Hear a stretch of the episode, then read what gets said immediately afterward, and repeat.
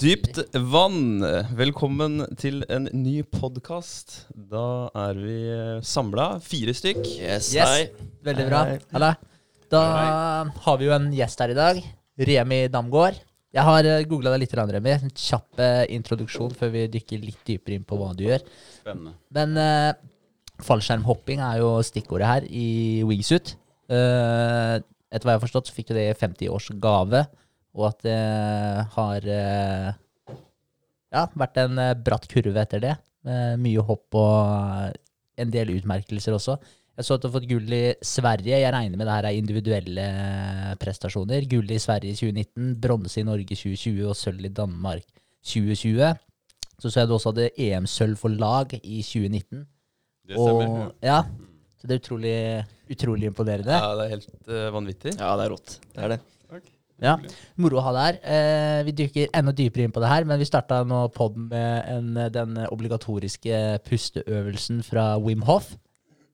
Ja, Ja. det var, eh, det var eh, veldig, veldig Det var en veldig god opplevelse. Ja. Eh, Overraskende. Ja. Trodde jeg hadde gjort det meste innen pusteøvelser, yoga litt av hvert sånt. Jeg driver med det daglig, Ja, du gjør det, ja? med pusteøvelser. Eh, Men, men med yoga, da. Jeg har en sånn start om morgenen som heter eh, morgenhilsen. Ja, ok. Eh, og det er mye pusting. Um, men det her var en helt annerledes måte å gjøre det på. Det var på en måte Jeg føler at jeg vekka kroppen. Altså, jeg ble varm. Ja. Ja, ja. Ja, det er en Det er spesiell Det eh, veldig rart. Utrolig deilig. Og så når dere nevnte først å holde pusten i ett minutt, og deretter halvannet minutt. Jeg har jo drevet dykking før. Ja. Eh, og, og jeg tenkte det er veldig lenge. Jeg kommer hit uforberedt. Uh, holder pusten i halvannet minutt. Jeg håper ikke det blir sånn uh, skallemerke i bordet her. Uh, men det gikk utrolig bra, og det var Jeg kjente det i hele kroppen. Jeg kjente på en måte blod, alt sammen. Er ikke det merkelig? at Det Vi kjenner vi lever, og vi får kontakt med liksom noe annet enn det vi tenker på i hverdagen. Ja. Så dette, dette skal jeg fortsette med. Det, Kult. dette er min nye start om Ja, er bra. Tusen takk. Ja. For at dere visste det her. Ja, så kult. Ja, det, det har jo vært eh, en del av oss i et halvt års tid, så vi har gjort det hver uke. Og vi merker jo at det, det halvannet minuttet det har jo blitt mye lettere etter hvert, og vi er oppe i to minutter innimellom. Mm. Men sånn som i dag, men det er sikkert eh, dagsform og hva man har gjort tidligere i helga.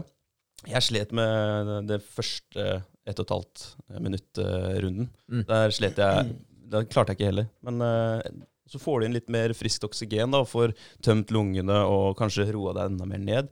Så gikk det smertefritt på neste. Ja. Så det er veldig sånn varierende. Ja, det er det. Så kjenner du, som du sier, det kribler litt i Mm. kroppen. og Ja, og temperatur. Altså, han sier jo ofte det der med at føttene kan bli kalde, hendene kan bli kalde, og at du kjenner eh, at det, at det ja, kribler. da. Det Kribler, mm. stikker litt, liksom. Men jeg føler at det også har gått vekk mye mer eh, etter hvert som jeg har gjort det mye. I starten så fikk jeg veldig ja, Ja, det kribla veldig da. Ja, og i fikk jeg starten. veldig kalde hender og veldig kalde føtter. Ja. Men, eh, men det har sakte, men sikkert Ja. gått over. Jeg ble faktisk litt uh, småstressa den første gangen. Jeg gjorde det. Ja. Eh, helt fram til han sier at det, det, det går bra. Ja, it's okay. Men, men det her er jo typisk sånne ting som man må ta med seg, altså ha i hodet ellers i livet også. Mm. At når ting er tøft, uh, enten det er fysisk, psykisk, eller når ting er tøft, så, så på en måte blir tiden annerledes, og så har man lyst til å gi opp innimellom. Mm. Så må man bare fokusere på at det, det går. Det Ja. går litt til, litt Ja. til, litt til. Mm. Det er, det, er, det er noe av det kjernen jeg tar med meg i det her. sånn, den er det, Når du får pustetrangen, Ja. så får jo kroppen signaler om at du trenger oksygen. Ja. Men de signalene blir jo gitt på et veldig, veldig tidlig tidspunkt. Mm. Egentlig i forhold til når, når det er farlig. ja, ekstremt nødvendig. Ja, Ja. Mm. så, så her er det på en måte at du, du må være sterkere i psyket enn de, de fysiske signalene som kroppen gir. Ja. Ja. Og det er utrolig sunt. Ja. Det kan man ha med seg i arbeidsliv, i livet generelt. Altså bare vite det at det, det går litt til. Det gjør det. Ja. Det er et veldig godt poeng. Jeg har ikke tenkt på det faktisk på den måten, men det er helt riktig det som du sier. da. Du oppsøker litt ubehag, og så Mm. kommer du deg gjennom det. Så, Så etterpå så kan du da se det hver gang at det, vet du hva, det var tøft, men fy søren, jeg greide det. ja. Ikke sant? Men det, er, men det er veldig sant. Det der med at du får det signalet veldig tidlig også, er jo et godt poeng. da. Eh, for det er jo ofte sånn, det var den der David Gagen som sa at der, eh, eh, en sånn ekstrem eh, atlet, kan man vel egentlig kalle den. Eh, og han eh, sa jo at når du på en måte Når kroppen og hjernen og alt sammen, når det sier stopp, så har du da har du 60 igjen å gi, eller noe sånt. Så Ja. tror jeg du har gjort 40 da. Jeg, tror, jeg mener det er det han sier. Og da Ja, har du Om liksom, ikke 70, jeg lurer på om det er det vi har uh, snakka om tidligere. ja, et eller annet, men liksom, er sånn du, er, du er ikke halvveis engang, da. Mm. Så Jeg er veldig tilhenger av den der. Ja. Altså hvis du, hvis du tror at, uh, at du klarer til hit, Mm. så klarer du søren meg til hit. ja. Ja. Det Ja. gjør du. Det må man bare si til seg sjøl. Klarer du hit, så klarer du hit. Mm. Altså tror du at du klarer hit, mora di tror at du klarer ditt, så klarer du ditt. Ja. Du har alltid ett nivå til. Det er alltid. Ja. Ja. Men det, det, handler jo mye om det å, å få eh, ja, konseptualisert det på en måte som, som gir mening for deg. Det må bare ta liksom ett steg hele tiden. da. Ett steg til. Mm. Og, så ja, det blir, det blir mye til slutt, da, når man hele tiden eh, trosser den, den grensa. Men er det sånn inn, litt innen en uh, fallskjermhopping òg? Jeg vet ikke, skal vi hoppe litt inn på det, eller skal vi kjøre ukene først? Vi tar å- ja, Vi tar Ja, vi tar kjapp uke. ja, vi freser gjennom ukene, og så tar vi Så og tar vi Remi etterpå. ja, dykker litt inn på fallskjermhoppinga, for jeg har en del spørsmål. Ja, kult. Uh, ja, ok, men uh, for å starte, jeg kan bare gå kjapt igjennom. Ja. Uh, på tirsdag denne uka her så ble Nutrihorse utgitt på Android. Yes. Det Det er jo en uh, milepæl. Ja, Selvfølgelig. utrolig gøy. Veldig kult. Gratulerer. Ja, Takk. moro. Så ja, det var veldig moro. Eh, og så eh, på onsdag så hadde vi møte Eller jeg hadde møte med Smart Innovations, han eh, mentoren, som den mentorordninga som vi har blitt med i. Ja. Eh, og det møtet var eh, utrolig kult. Han hadde eh, veldig mye ideer, og jeg likte fyren veldig godt. Så, Ja, det så det, lover, det lover veldig godt. Så da da har vi på en måte blitt tatt opp i den inkubatoren til Smart Innovations. Så da er vi med der. Jeg skal fylle ut kontrakten og, sende av gårde den nå fortløpende. Eh, så skal jeg og Vegard da møte han til tirsdag. Ja. I morgen Nei, eh, over i morgen. Yes. Da blir det Så- møte her, faktisk. Ja, det gjør det. Så Ja. da skal vi idémyldre litt, og, og han skal komme vise, skal vi vise litt av framtidsplanene våre for appen og sånn, og så kan han komme med litt feedback. Ja. Så det var kult. Kult. Så, så han hadde jo En av tinga våre nå er jo det at vi må, vi må jo skaffe kapital for å komme til neste steg. Og, og der har han masse, masse ideer. Altså han har jo starta Han er jo en type sånn seriegründer. da. Så han har starta masse selskaper, og som han sa, noen av dem har gått skikkelig dårlig, og noen har gått skikkelig bra. Så han har liksom eh, Så han har veldig mye erfaring. Eh, Så han sa at det er mange måter å skaffe den kapitalen på, og han hadde flere ideer til hvordan han kunne hjelpe oss der. Så det Mm. blir, eh, det blir veldig moro å ha en, en type som har vært i gamet lenge, og som man kan lære, lære Ja. av. Mye spørsmål og Suge til seg det man kan. Ja, og trykke record da, når dere sitter her. ja. ja. Spørre om uh, vi kan ta det. ja. uh, nei, og så har jeg søkt på det der AppStore Small Business Program. Det er for å slippe å bli belasta 30% av fortjenestene. Hvis du tjener under 1 million dollar i året, eller hvis det er under det i omsetning, så, så kan du, får du 15 eh, avgift i stedet for 30 eh, Så da, men man må søke om det. Ja. okay. Ja, så det, det har jeg gjort. Eh, og så har jeg egentlig bare sendt ut et par meldinger til eh, noen folk om at den har kommet på Android nå, noen folk som har lurt tidligere. Og så tatt opp kontakten igjen med hun eh, dama som skulle Legge ut videoen, ja. Yes. Ja. Så begynte å avtale litt der med tanke på en eh, YouTube-video for å promotere litt. Så det er eh, uka. ja. Så Det er kult, det. Ja. Hun likte jo appen òg. Hun har jo fått prøve den en periode. Ja. Ja. Så måtte jo, måtte jo bruke en, eh, en stund nå for, eh, for å få lage den videoen, da, så bli litt kjent med den. Og hun skrev det at hun syntes det så bra ut.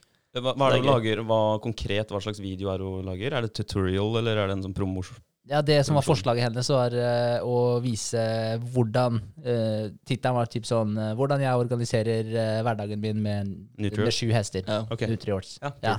Så da tar du det sånn fra et eh, ja, sånn en organisatorisk eh, Perspektiv, ståsted. Ja. ja. Mm.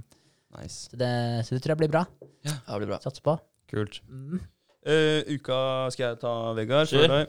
Uka mi har vært, uh, vært jobbøkt med, med Espen. Det er han jeg jobber med sammen med på Nut... Nei, ikke Nutriors. Nøyd. Jeg blir, jeg blir inn, sånn der indoktrinert av Nutriors-folk rundt meg her. Det er for mye, Det er for mye. av oss. Engasjement. Ja. uh, men nøyd. Uh, og vi har hatt litt planlegging, for det har, det har vært litt rolig på oss en periode. Så nå har vi satt i gang noen baller. Vi har kontakta regnskapsfører for å få litt hjelp med, med regnskapet. For nå har vi liksom satt, uh, satt uh, i gang og føler at eh, nå trenger vi noen til å bare få et overordna overblikk på, på tallene. Hvem er det dere får til å hjelpe dere da? Nå har vi jo egentlig Vi prøvde der Gründerklubbens uh, firmaanbud. Ja. Så nå har vi fått tre anbud der. Ok. Oi. Så vi har egentlig bare snakka med, med de, og så Ja. får vi se hvem av dem vi velger. Så kan det hende at det, det ender opp hos uh, Arild igjen, da. Ja. Eh, fordi eh, han er jo Vi er godt kjent med alle sammen. Ja. Så, men eh, det, det var egentlig overraskende. Det var en dame fra eh, Kristiansand, eller Sørlandet, om det var Kristiansand eller eh, Grimstad. Ja, Det spiller ingen rolle, men hun var fra Sørlandet i hvert fall. Hun eh, ringte på fredag kveld og kom med et tilbud. Da, da var det for oss som hadde mellom ja, 10 og 30 bilag i måneden. Så skulle hun hjelpe oss for 540 kroner pluss moms i måneden. Og det syns jeg er ganske ålreit. Og da tar hun alt regnskap, slipper jeg å tenke på det. Ja, det er også så gærent. Nei, det er deilig. Så, så enn så lenge, da, når det er såpass få bilag, så kan det være veldig ålreit. Og så blir det flere bilag, så blir det mer inntekter, så har vi råd til å betale mer, eh, mer for regnskapsfører også. Ja. Ja, ja. Helt klart. Um, Så har vi gjort klart noe innhold til sosiale medier. Uh, Tatt noen nye bilder, jeg og Espen. Eh, Og så har vi snakka med Appsmaker Store. Det er de som eh, hjelper oss å utvikle appene.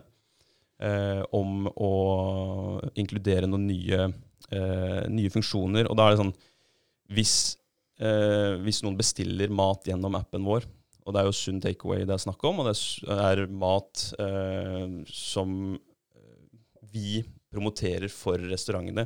Det er egentlig eh, Kort oppsummert da, så er det eh, sunnere takeaway-alternativer, og gjerne da overskuddsmat som restauranten har, for å kunne hjelpe dem å bli kvitt det, tjene penger på det, istedenfor at det skal gå i eh, kategorien svinn. da.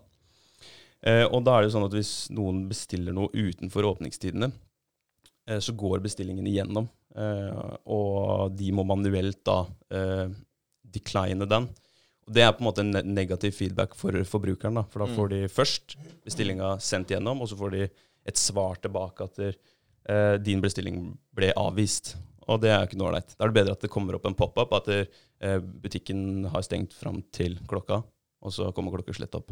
Ja, ja. ja Helt klart. ut. Eh, så det har vi fått uh, pris på. Så det, det, det koster. Koster. Ja. Alle sånne funksjoner som man skal endre på. Det er uh, ganske drøyt. Så vi, vi, tenker nå da om vi skal samle inn litt flere funksjoner. Ta det sammen. For det her kunne produseres i juli, og kosta, var det 38 000 cirka? Nei, det var 3800 dollar. Så rundt 35 000-35 000 da. Ja.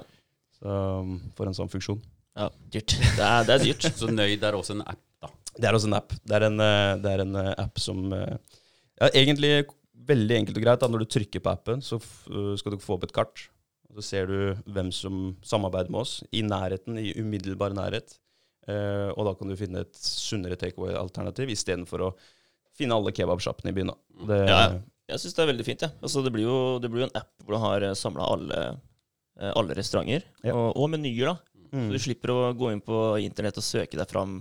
Ja. Det kan være vanskelig å finne en meny der ute. Ja, Du det- er veldig ofte kobla til Facebook, og så kommer det opp sånne dårlige bilder av menyer. og ja. Spille, Ja. Bestille sushi fra, eh, fra Rice and Chopsticks. Rice and Chopsticks ja. De er ikke gode på den biten der. altså. Nei. Det er- Og det er jo ganske frustrerende nå, da. Ja. Å begynne å lete seg fram til det. Ja, så det, det var jo egentlig det som var eh, ideen min for noen år tilbake. At det, det, det er så tungvint. Mm. å google seg fram til, til mat. Og da samler vi heller alle i én app, da. Ja. Så det er vel egentlig Jo, altså, jeg holdt på med terrassen. Det er viktig. Huset trenger pleie, så jeg beisa. Ja, bra. Ble veldig veldig ålreit. Ble veldig fornøyd med, med både fargevalg og, og at vi fikk gjort det såpass effektivt. Deilig. Kult. Hvilken farge ble det? Den heter Kjære fra Monter. Eh, Opus sin Kjære. Eh, det er en mørk brun, eh, rød-ish farge. Ja. Eh, ville ha en litt uh, mørk farge. Vi har brukt lys grå tidligere. Og det blir så skittent veldig, veldig fort. Ja, ikke sant. Eh, så syns jeg det ser mye ferskere ut og mye, mye bedre ut med det, med det røde. Da. Og det ble veldig bra. Nice. Ålreit. Yes. Ålreit. Da er det uka til Vegard, da. Um, som Henrik sa, så var det jo release på Android denne uka her. Utrolig gøy. Uh, vi la ut bilde på Instagram eh, for å hype opp det. Ehm, og så hadde vi arbeidsdag, som du også sa, og da gikk vi gjennom eh, prioriteringslista vår. da. Vi har en liste hvor vi har skrevet opp alle fremtidige funksjoner. Uh, uh, og da gikk vi gjennom det, for, å, for han kommer jo på tirsdag og skal ha møte med oss. Mm. Så vi er helt uh, oppe og nikker da, og vet, eh, vet hva vi skal vise. Ja, og han kom jo med mange gode ideer òg, som vi skrev ned. Så det, det er jo kjekt å vise at dere, vi har tenkt på det du sa, og det har vi notert oss. Eh, og det vi skal implementere, da, Remi, det er uh, på neste versjon også er det kartfunksjon og GPS. Uh, og en sånn kraftfòrbit. Vi har en fôrkalkulator som regner ut grovfòret til hestene. hestene. -hmm. Men de fôrer jo også med kraftfòr og andre eh, tilleggs... eh, Ja, tilskuddsfòr. ja, tilskuddsfòr, ja. Eh, så det skal vi få inn nå, da. Så de får regna ut eh, alt sammen da, som de trenger. Eh, og de kan også legge inn eh, prisene, da, så de får et budsjett òg. Så de kan eh, følge med der. For det er ganske mye svinn eh, innenfor hest, med fôr osv. Så, videre. så nå får de ordentlig tracka ja, det som er, egentlig. Mm. Så det blir gøy å vise ned og se hva han, eh, hva han tenker, da. Det blir veldig moro. Ja, alt er ferdig tegna opp, og ja, alt er egentlig klart. Ferdig designa. Så det er egentlig bare å høre hva han eh, har å si om det vi har gjort. Så det blir spennende. Nice. Ja. Um, og så har jeg um, satt meg ned litt med den der SEO, eh, uh, for hjemmeside. Er det noe som heter. Og det er liksom, eh, Du lager en hjemmeside, men du må også få den ut der. da, At Google kjenner det igjen. da. Uh, og det er litt å sette seg inn i. Så jeg har kjørt sånn eh, De hadde en sånn lite kurs. Uh, Yoast SEO. De har sånn kurs da, som du kan gå gjennom. Uh, så det tok jeg på Odstad. Og det skal jeg ta en gang til. Det var ganske mye å få inn. Det er nok lurt. Men, ja, men gøy, og masse bra YouTube-videoer. De vet hva de prater om, oss, de folka her. Det er eh, utrolig mange som holder på med, holder på med det. Mm. Og det er litt sånn derre ja, Det er noe du aldri har tenkt på før, da. Altså hvor mange som faktisk er i det markedet der og holder på. Sitter og utvikler sider og funksjoner. overrasker Ja. meg hele tiden. Ja, for Det har jo sykt mye å si når man tenker på det. Altså Når du søker på Google, da, hvor, ofte er det du, hvor ofte er det du scroller deg helt til bånn på Google-sida og går til side to, liksom? Aldri. Nei, gjør ikke det. gjør ikke det. Nei. Det er, liksom, det er det første som kommer opp. Det er Så det du trykker på. Det er veldig viktig at vi kommer opp på første sida, da. Ja, Det er det. Ja. Og det er like viktig for alle. ja, det er det. Ja. ja, så det er en Det er, en, det er stor konkurranse der ute. Det er det. Så det er veldig mange fine tips da for hva man kan gjøre for å komme seg opp på lista. Ja, men jeg syns det er dritkult da, at du tar et eh, kurs, faktisk. Kurs deg i det. Det er jo dritkult. Ja, ja, ja. Jo, takk for det. Ja, Men det er vel eh, alternativer å betale seg opp på lista litt også. nærmere, ja eller? du Ja. kan det. Men eh, vi har egentlig bestemt oss for å ikke betale så mye, i hvert fall akkurat nå, da. Mm. Eh, vi er jo i en tidlig fase nå. Ja, Så det, Men, men det er, det, da kan man på en måte jobbe seg smart opp, da. helt klart. Istedenfor å betale. Helt det er klart. det som er poenget her. du, ikke sant? du har mulighetene der. Mm. Det har du. Så det er veldig gøy. Så jeg håper at jeg, jeg får den opp og gå, da. Det. Så det, det er litt press på meg nå, men det, Det løser seg. jeg hadde en issue med hjemmesida forrige gang, husker du det? ja, stemmer. Ja. Eh, fant ut av hva det var, så hvis du får noe trøbbel med det, eller noen andre får noe trøbbel med det, at sidene ikke vil eh, vise det designet som egentlig er på, på sidene, så Ja. er det sannsynligvis en eller annen plugin som du har lasta ned, som eh, utkonkurrerer noen av dine andre plugins. da. Så oh, ja. må du gå gjennom alle pluginsa på sida og deaktivere dem, for å se hvem som For å se hvem Ja. som eh, kjører over den andre. ja, rett og slett kuker det til, da, for på godt norsk. Ja. Så, så det fant jeg ut. Da var det, det var en sånn derre eh, mobiloptimaliseringsplugin som, opp, som skal liksom gjøre det mest optimalt på mobilplattform. Og det er jo veldig viktig, fordi de fleste åpner nettsider på telefonen i dag. Eh, ikke på PC. Sånn som vi tenker, vi som lager en nettside, tenker jo alltid at det ser så bra ut på Ja. PC. Mm. Og så er det kanskje 90% da, som åpner den på en bitte liten skjerm. Så er det, det er så kjedelig òg, da, fordi den, den ser jo best ut På på PC. PC, ja. Helt klart. Det er ikke noe tvil om det engang. Men uh, jeg vet jo med meg sjøl at jeg går selvfølgelig inn på telefonen min og sjekker ut uh, en hjemmeside hvis jeg hører om det. Vi har jo den med oss overalt. ikke sant? Ja, ja. Vi drar jo ikke hjem og så går inn på PC-en hjemme for å sjekke noe vi tenkte på klokka ett. Det er veldig sjeldent, i hvert fall. Ja. Ja, Så, det er det. det er det. Så da må du jo egentlig først lage hjemmesiden på PC, da, og så må du sette den over til uh, mobilskalaen da, Mm. og endre alt der etterpå. Så det, det blir dobbelt opp. Gjør det. Det gjør det. Men, men. Nok om det. Eh, Det var egentlig uka mi. Jeg har uh, hatt en uh, fin helg, da. Ja. Det har jeg vært på jobbtur Uh, på fredag. Fant vi, vi var ute med båt, faktisk. Starta litt kjipt. Det var overskya og dårlig vær, egentlig. Regna litt, grann, så vi vurderte saken. Men eh, vi dro ut, og det ble jo kjempefint. Ja. så da fant, vi, da fant vi et uh, svar... Hva heter det? Svarberg? Sva Svaberg. Svaberg. Ja. Med noen klipper. Uh, til venstre for Herføl, faktisk. Aldri vært der før. Det var kjempefint. Gylteholmen. Er det det? Ja, utrolig fin plass. Ja. dykka mye der til. Ja, ikke sant? Ja, der uh, var det mange fine klipper å hoppe fra. og... Nei, Ja, sånn liten trang sånn uh, renne imellom der. jo, stemmer. Sånn? Du kan egentlig bare svømme imellom de øyene der. Det er Kjempe, veldig fint der. Det var det. Deilig. Det, var, det har vært en veldig sånn eh, tropisk eh, helg. Ja. 30 grader på eh, snittet. Mm, deilig. Ja. Veldig. Eh, Remia. Ja, skal vi ta Ja. uka di i år? Har ikke jeg forberedt meg med sånn, men eh, jo, jeg eh, har jobba litt i starten av uka, og så har jeg vært i Tønsberg og trent. Uh, hopp, pælma meg ut av fly i 13 000 fot noen ganger. Oi, kult. Eh, mandag, tirsdag var det. Eh, og så har jeg solgt vår kjære båt, som vi har hatt nå i seks år. Kjøpte den ny i 2015. Ja. eh, ja Marin, er det ikke? Ja, Marin, ja. Ja. Og den, eh, den gikk eh, ut av våre hender da på torsdag med stor sorg. Ja. Ja. Men eh, vi kunne ikke la være, egentlig, for at det er et vanvittig marked nå. Ja. Ja, ja, Så fin tid å selge på. Veldig hyggelig å selge på. Så i og med at jeg har, driver den sporten jeg gjør på et såpass høyt nivå, mye trening, så, så ligger den mye i havn. da. Mm. Ja. Vi fant ut at nå, nå selger vi på en måte aksjen på topp. Ja. Eh, Lurt. Ja.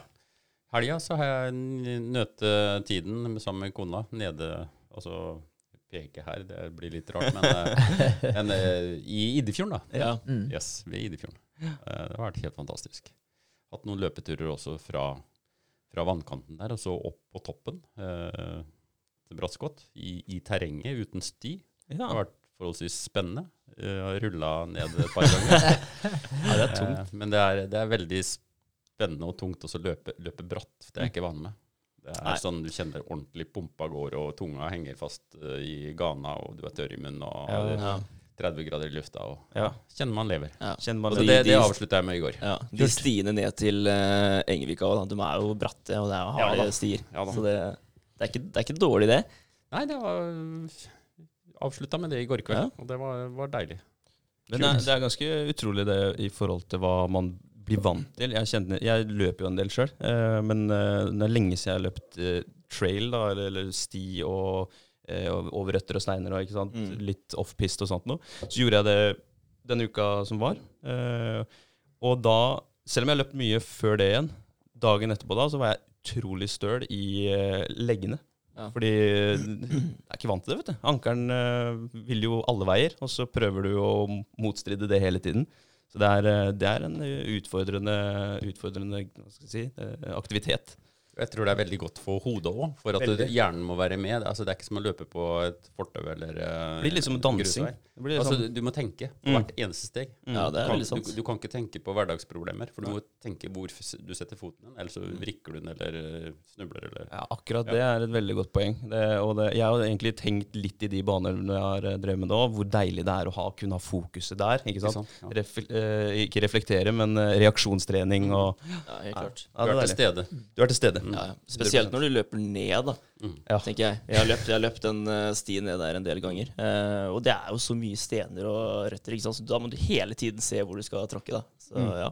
Og så er det noe med det å løpe på sti. Det, det har jeg alltid vært uh, veldig glad i. fordi det, det føles ut som du løper så fort. Når du har, sånn, du, du har ting rundt deg hele tiden. Yes. Så hastigheten blir sånn oppfatta litt uh, Og det er motiverende òg. Ja, ja. Men jeg, jeg, jeg er ikke noe fan av å løpe på asfalt. Jeg blir utrolig varm i føttene. Eh, ikke noe deilig i det hele tatt, syns jeg. Så det er mark som er best for meg. altså.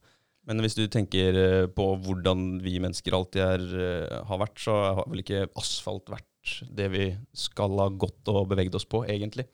Skal er litt hardt. være, ja, det er litt hardt. Mm. Det er det. Så, jeg vet ikke, vi har vi snakka om føttene våre, hvordan de egentlig skulle ha sett ut? Nei. Nei. For vi har, I hvert fall tærne mine, da. De ligger i skoen. Eh, så ligger lilletåa omtrent under den andre hva heter det, ringetåa. Usikker. Den, eh, den, den ved siden av. Ja, den er Ja. ved siden av.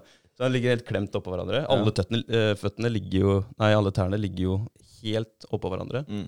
Hvis du ser på, på en um, tribe i Amazonas da, som heter honorari, eller ho honari, Ja. så er de De har sånn sprika tær. Jeg tror jeg har sett det, ja, faktisk. du har sett det? Utrolig kult. Så de kan jo, de, de kan jo grabbe da underlaget. Så De løper jo bare rundt i, i jungelen. Ja, ja. Og de har aldri på seg sko. Så det er jo et eller annet med at vi som skal gå på disse myke, deilige, deilige foam-putene eh, Vi har jo gjort noe med tærne våre. Og hvis du drar det videre til høyhæla sko, da. Damer som går med høyhæla sko, har masse problemer med både eh, leggmuskelen, da, som blir Mm. alltid forkorta. Hvis du går på tå hele tiden, så Mm. vil du jo stramme soleus, da, som er den lille muskelen på, på leggen, hele tiden. Og da vil du også tilte bekkenet litt. For du, du endrer jo egentlig Det vil jo forplante seg hele veien oppover. Ja, ja. Så Sjukt. Er det ikke i Kina hvor de faktisk binder opp uh, føttene sine, så de ikke skal få gro? Ja, Altså, de er, Det er veldig fint å ha små føtter i Kina, tror jeg. Ja, damene skulle, skulle ha små føtter, ja. Ja. Og spesielt sånn, eh, på litt sånn høyere nivå, sånn eh, Ja. de kongelige og sånt nå. Ja. De, de bindte jo surra inn føttene på ungene Uff, gjennom hele oppveksten, sånn at de hadde sånne bitte små føtter når de er voksne. Det er helt vilt. Sjukt. Det Ja, var for, vanvittig vondt også, ikke sant. ja, forrige episode så snakka vi om, eh, om hunder, og hvordan vi modifiserer de og ødelegger hunderaser. Det er, Kina gjør det samme med mennesker. Ja, Ja, ja. det er sant. Det var faktisk en, eh, ikke en papi, papillon, var det det vi kalte den, den der med hjernen. Ja. Det er en Charles King Nei, vet du. King Charles Spaniel. Den, ja. Ja. Ja. Den var for ja. liten, Stemmer. lite Lite, kran. lite Ja. krall. Jeg måtte bare rette på den. Jeg får jo refs ut hver gang jeg kommer hjem. Når vi har sagt Er det den som får litt, blir litt sånn Øya ser ut som en Øya stikker ja. vei ut, En sånn pug, Ja. er det ikke? Nei, nei, det er ikke en pug. Ikke en pug, nei. Nei. Det er en sånn uh, litt lengre pels og da bare, jeg, vet, jeg vet ikke. Ja, det er egentlig nabohunden vår er, er sånn. Så Ja. Den har sånne øyne som spriker litt ut til siden. Ja. Ja. Og det må jo ha konstant vondt i hodet da, hvis eh, kraniet alltid trykker på, på hjernen. Ikke bra. Nei. Ikke bra. Nei, det er ikke bra. Eh, men, eh, men det er noe, altså jeg merker bare Jeg har to sånne opplevelser med forskjellige fottøy. Da. Eh, jeg hadde brytersko, Mm. eh, og de har en ankelstøtte på seg, da, så de går litt høyere opp enn en vanlig sko. Og det er for at de skal gi deg mye støtte på brytematta. Det er utrolig høy friksjon der, så det er lett å tråkke over i vanlige gymsko. Eh, men jeg likte veldig godt å bruke de bryterskoa, for de er veldig tynn såle på dem. Så jeg brukte de egentlig til alt. da, Gym og eh, all innetrening brukte jeg de bryteskoa.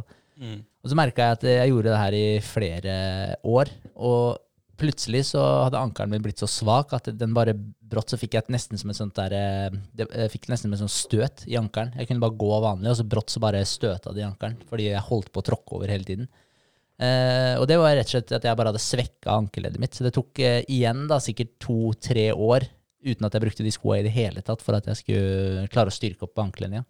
Shit. Så det var, eh, det var en ganske sånn drøy eh, liten lærepenge. Eh, Men da har jeg kjøpt meg Hukka-sko, og de har en ekstremt feit såle. Og jeg kjenner at de demper jo nesten for mye, de, de der Hukka-skoa. Så nå merker jeg at når jeg står inne på gulvet nå, Mm. så merker jeg at jeg blir øm i føttene. Ja. Mm. Så, nå, så jeg tror ikke det er bra, det Nei, vi er heller. ikke, vi er Nei, ikke det er laget ikke- for, eh, for så mye komfort.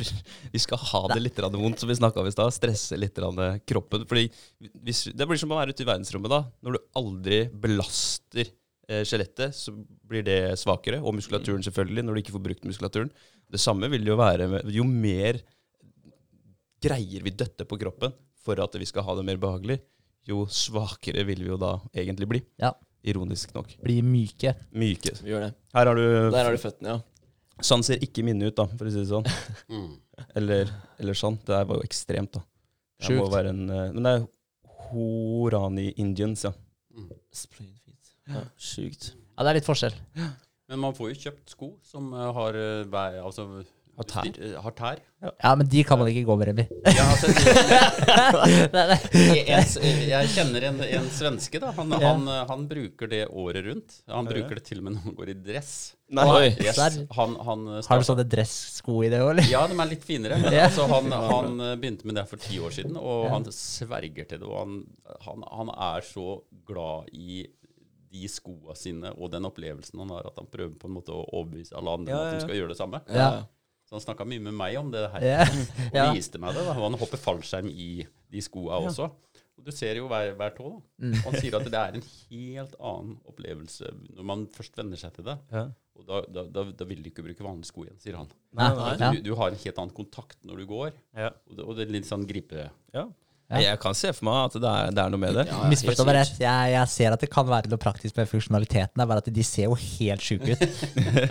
men, men, det eh, men, Gå barbeint, da. Det er kanskje next level. men jeg søkte på sånn barefoot shoes nå, men uten de tæra. Men bare med en kjempetynn såle for å kanskje prøve det. Men de var svindyre, da. Kosta over 2000 kroner. Oi. Så ja, så nå endte jeg heller med å kjøpe noe imellom. Så trappe meg trappe meg litt ned. Jeg tror aldri jeg kommer til å ende på de der med sep separerte tær. Nei, du men, får kjøpt eh, deg løpesko til og med. Sånn Ja. ordentlig løpesko. ja. men jeg tror jo tynnere såle du har, jo mer eh, naturlig det er, jo bedre tror jeg det er for føttene dine. Så gå på de her hukka-skoa hvor du har en halvmeter tjukk såle. Jeg, Ja. jeg, det er som du sier, André, det, det må jo svekke deg på en eller annen måte. Ja, og så må du ha litt plass til tærne. Fordi ja, mine er eh, veldig nærme hverandre, og det tror jeg mange andre som har det samme. Jeg, ser jo, jeg har jo sett andre sine føtter, og det, vi, vi må jo ha litt plass til å spre, sprike med de. Ja, ja. Så det er også viktig. Jeg bruker jo vernesko på jobb, um, og etter en tolv timers skift så er jeg ganske ferdig i hælene mine. Mm. Ja, da, da gjør det vondt. Så da er det deilig å få bytta til joggesko når jeg skal hjem. Ja. Kjenner jeg, da kjenner jeg at jeg bare da slipper det når jeg får på meg joggesko igjen. da. Så det, det er litt pain der, altså. Ja. Faktisk. Selv om jeg har noen gode såler, men eh, det holder ikke. Jeg tenker at det er, det er noe som er eh, i, måte, i arbeid gjennom en hel dag omtrent. Det er jo føttene. Det er jo det som har kontakt med noe gjennom hele dagen. Når vi sitter, så har det jo kontakt med, med bakken, og vi, vi er jo i gang med beina hele dagen. Så jeg tror det er ekstremt viktig at man tar litt vare på de føttene. Sånn som i går, så hadde vi en lang dag ute, som veldig mange andre hadde. Og litt eh, kald pils, og man ja, det blir, eh, det blir en lang dag ute, rett og slett. Og når vi kom hjem igjen da, så kjente jeg at det, det brant da, i føttene. Og da var det utrolig deilig å bare legge dem i et sånt type isbad før man uh, la seg. Da fikk jeg kjøla ned uh, føttene, men jeg kjente også at det, det dro med seg kroppstemperaturen oppover. At hele kroppen fikk en, uh, en reduksjon da. Mm. Så det var, det var deilig. Nice. Pro, life pro tip. Ja. Ja. Men eh, tilbake til treninga di, Remi. Eh, I forhold til fallskjermhopping osv. Er, det- er det noe spesifikk trening du gjør som fremmer eh, eh, prestasjonene dine der, eller er det bare det at du, du vil holde deg i form? Har det noe med kondisjon å gjøre? Er det noe med styrke, lårmuskulatur, bein, kjernemuskulatur? Altså, hva, hva er det på en måte Har du noe spesifikt du trener deg opp på? Ja, det er egentlig ganske sammensatt. Um, kondisjon generelt er, eh, er veldig viktig. Uh, man skulle tro det at når du hopper ut av et fly, så krever ikke det mye fysikk. Men når du gjør det med en wingsuit, Mm. så krever det en del fysikk fordi at du blir eh, på en måte fugl eh, Mm. et fly. Ja. Eh, og den, den uh, wingsuiten, den uh, kan jeg fly rundt med og bare ha det hyggelig og kos. Ja. Og slappe av egentlig og ha meg en sightseeing-runde, for å si det sånn, over Ja. Tønsberg by Mhm. og tilbake til flyplassen igjen. Men, men uh, når man skal konkurrere, så handler det her om uh, det samme som all annen idrett. At uh, man må da trene de delene av kroppen spesielt som man kjenner at eh, man har et forbedringspotensial på. da. Mm. Eh, så, så det er generell kondis. Uh, hvis du hopper da sånn som jeg gjør når jeg trener hardt, så kan det være sånn 10-12 vingsuthopp om dagen. Og da betyr det at eh, da er jeg med på annethvert løft, som vi kaller det. Altså flyet, flyet tar jo med seg, fyller opp med hoppere, går opp, tømmes, Mm. går så fort det kan ned igjen og henter neste gruppe. Og da er jeg med på annenhver sånn syklus. Og jeg er oppe i lufta så lenge etter de andre at jeg lander etter at flyet har landa. Okay. Mm. Uh, så da er det rett inn, og da skal fallskjermen pakkes Ja. på 10-15 minutter. Eh, og det gjør jeg ofte sjøl, innimellom altså. Mm. Samtidig som jeg analyserer hoppet mitt på PC-en min. Mm. Mm. Eh, så da er det rask pakk, rask analyse, på med alt utstyr igjen, og rett i flyet. Ingen pause. Mm. Og, og det går hele dagen. Ikke sant. Så det flyet har en, eh, en 25 eh, løft, som vi kaller det, om dagen, og da er jeg med på inntil halvparten av dem. Ah. Ja, Og det, bare, bare det er en veldig sånn lang fysisk anstrengelse gjennom hele dagen. Tidligere, når jeg ikke var så vane med det, så var jeg jo ødelagt i flere dager etterpå. Ja. Når jeg hadde hatt en sånn økt. Men nå er det det vanlige for meg at jeg har sånne økter. Men det igjen betyr jo at jeg har lagt inn en grunntrening tidligere, da. Altså når- jeg begynte med det her på et høyere nivå, så skjønte jeg det at uh, her må jeg gjøre noe med fysikken også. Mm. Nå er jeg ikke, nå er ikke koseflying lenger, nå er jeg på et høyere nivå. Nå er jeg på landslaget. Uh, og det betyr da Altså, jeg var, kom med i landslaget i september i fjor. Oi. Og da var det jo opptaksprøve, fysiske opptaksprøve. Jeg trodde jeg var i rimelig bra form, sånn i forhold til alder og alt som er. Men eh, jeg skjønte jo det at jeg hadde noe å gå på. Jeg løper jo ikke så fort som de andre. Eh, jeg tok ikke like mange pull-ups, chin-ups, sit-ups Mm. eh, som de andre. Men jeg tok ikke så få heller. Altså, det, er- det, er, samme prøvene som man bruker når man skal inn på krigsskolen. Oi. Eh, det er de samme reglene, da. Altså fra et visst antall og så opp til maks, og så er det poengskala. Mm. Som da teller i tillegg til prestasjoner man har hatt innen sporten tidligere, for om du kan være med på landslaget eller ikke. Ja. Mm. Så jeg skjønte at jeg hadde en del å gå på der sånn, når jeg var med på det her. Jeg gjennomførte alt. Men i intervjuet så sa jeg at eh, til neste år så skal jeg gjøre det dobbelt så bra. Mm. På alt. Men ikke på tid. Nei. På, på, på, på, på løping. Jeg skal ikke løpe dobbelt så lenge. Nei. Eh, så, så jeg skal forbedre det. Men der er jeg nå. Ja. Så det ga meg en veldig tenning. Um, jeg hadde, har, har jo hatt veldig bra resultater med den fysikken jeg hadde tidligere, men jeg føler nå at det, jeg, det er en ny Remi etter 1. januar. Mm. Mm. Da begynte liksom episode to. Ja. Og da uh, veide jeg 85 kilo. Uh, følte meg i sånn rimelig grei form. Uh, jeg har alltid drevet med vekter og sånne ting hjemme. Har treningsstudio. Uh, men nå skulle jeg trene meg ned. Mm. Og det, det med wingsuit handler jo også om at du er et fly, ikke sant? og det handler om vekt. Fordi at et, laster du et fly med masse vekt, så flyr det ikke så langt, og det flyr ikke så lenge. Men det fly, kan fly innmari fort, da. Ja. ja. Så jeg, eh, jeg gjorde noen analyser på mine argeste konkurrenter der ute i verden, og fant ut at uh, 600 gram per centimeters høyde Mm. er det optimale. Okay. Mm. Og det betyr at da skulle jeg veie 73 kilo når jeg er 81 høy, Mm. Og det veier jeg nå. Oi. Ja. Eh, Så det har vært veldig interessant. da. Jeg har eh, hatt sånn Excel-skjema og laga sånn opplegg på det sammen med landslagstreneren. Og det har en sånn kurve som går sånn helt jevnt ned. Mm. Jeg hadde som mål da, at jeg skulle være på 73 kilo eh, 30. juni. Jeg havna på 73 kilo 1. mai. Oi. Oi, Oi, ja, det er bra. Eh, og løper mye raskere Mm. enn tidligere. Eh, henger og dingrer og tar chins. Mm. Uh, mye mer. Mm. Føler meg i bedre form enn da jeg var 7-28 år gammel. Ja. Jeg føler meg sterkere og bedre enn noen gang. Det er veldig moro, Ja, eh, og, men det kommer ikke gratis. Nei. Samtidig som kostholdet ble lagt om så radikalt. Ja. Mm. Spiste ikke veldig usunt før. Tror jeg spiste ganske sunt, men det var mer sånn, nå er det mer sånn I hvert fall en uh, halv kilo grønnsaker om dagen. Eh, Jeg har kutta ut poteter, ris, Mm. eh, protein ved siden av grønnsaker. Altså kylling, fisk, sånne ting. Uh, spise sunnere om morgenen. Ja. Tran og Sandasol må med. og så, ja, så har det gått i en sånn jevn kurve. Og så har jeg en kone da som er utrolig flink til å gå. Mm. Hun er, driver med powerwalk, som hun kaller det, fra America. Ja. så eh, hun- dro med meg da rundt sånn Ja, det var 1. januar. Eh, Da hadde hun allerede gått en del, og hun går sånn ca. 10 km hver morgen ja dæven. før frokost. Ja, det er rått. Det er bra. Og jeg begynte å henge meg på det, da. Eh, Og det var så forferdelig. Gå i den hastigheten hennes. Mm. Det var sånn liksom Jeg ble irritert på henne. Altså, er det nødvendig? Jeg går tur. Men du bør ikke gå så fort. Du bør ikke gå i stykker bena, liksom. Men nå er det sånn at eh, nå løper jeg litt innimellom også. Mm. eh, Når vi har disse turene våre. Ja, Eh, Så ja. Det, det, når du snakker om trening, det er en vei å gå. Uh, når jeg er på landslaget, så, så føler jeg jo en veldig forpliktelse, mer enn noen gang, til å prestere. da. Mm.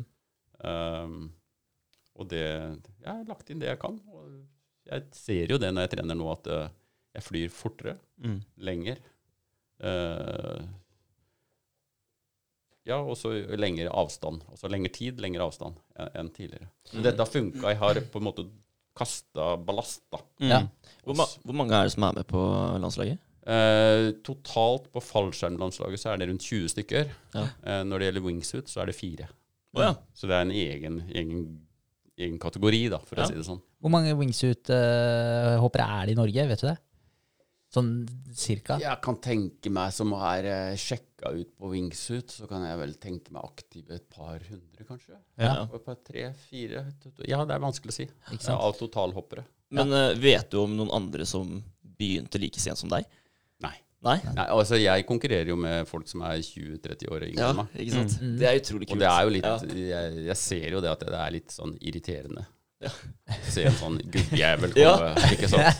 Det er utrolig kult. Så det er, det er veldig, det er Det er veldig moro. Ja. På verdensbasis så er det jo her ganske stort. Ja, Norge er et lite land når det gjelder fallskjermhopping. ikke sant? Det er- Ja. Men jeg var veldig fascinert av det sjøl. Jeg har titta på mye YouTube-videoer av folk som eh, ja, hopper wingsuit og rett fra fly og basehopping og whatnot. Og det er, det er jo spennende. Dritkult. Mm. Eh, men det jeg lurte litt på, eh, fordi du fikk jo Det var riktig det jeg sa i stad, at du fikk det i 50-årsgave. Var det det? Eh, Nei ja, ja, det var ved den tiden jeg gjorde det. Ja. Jeg, jeg, jeg tror ikke jeg fikk det i gave. Okay. Eh, det kan godt hende at det har vært skrevet et sted en gang, hvis du har googla. Ja, jeg mener jeg bare hørte det.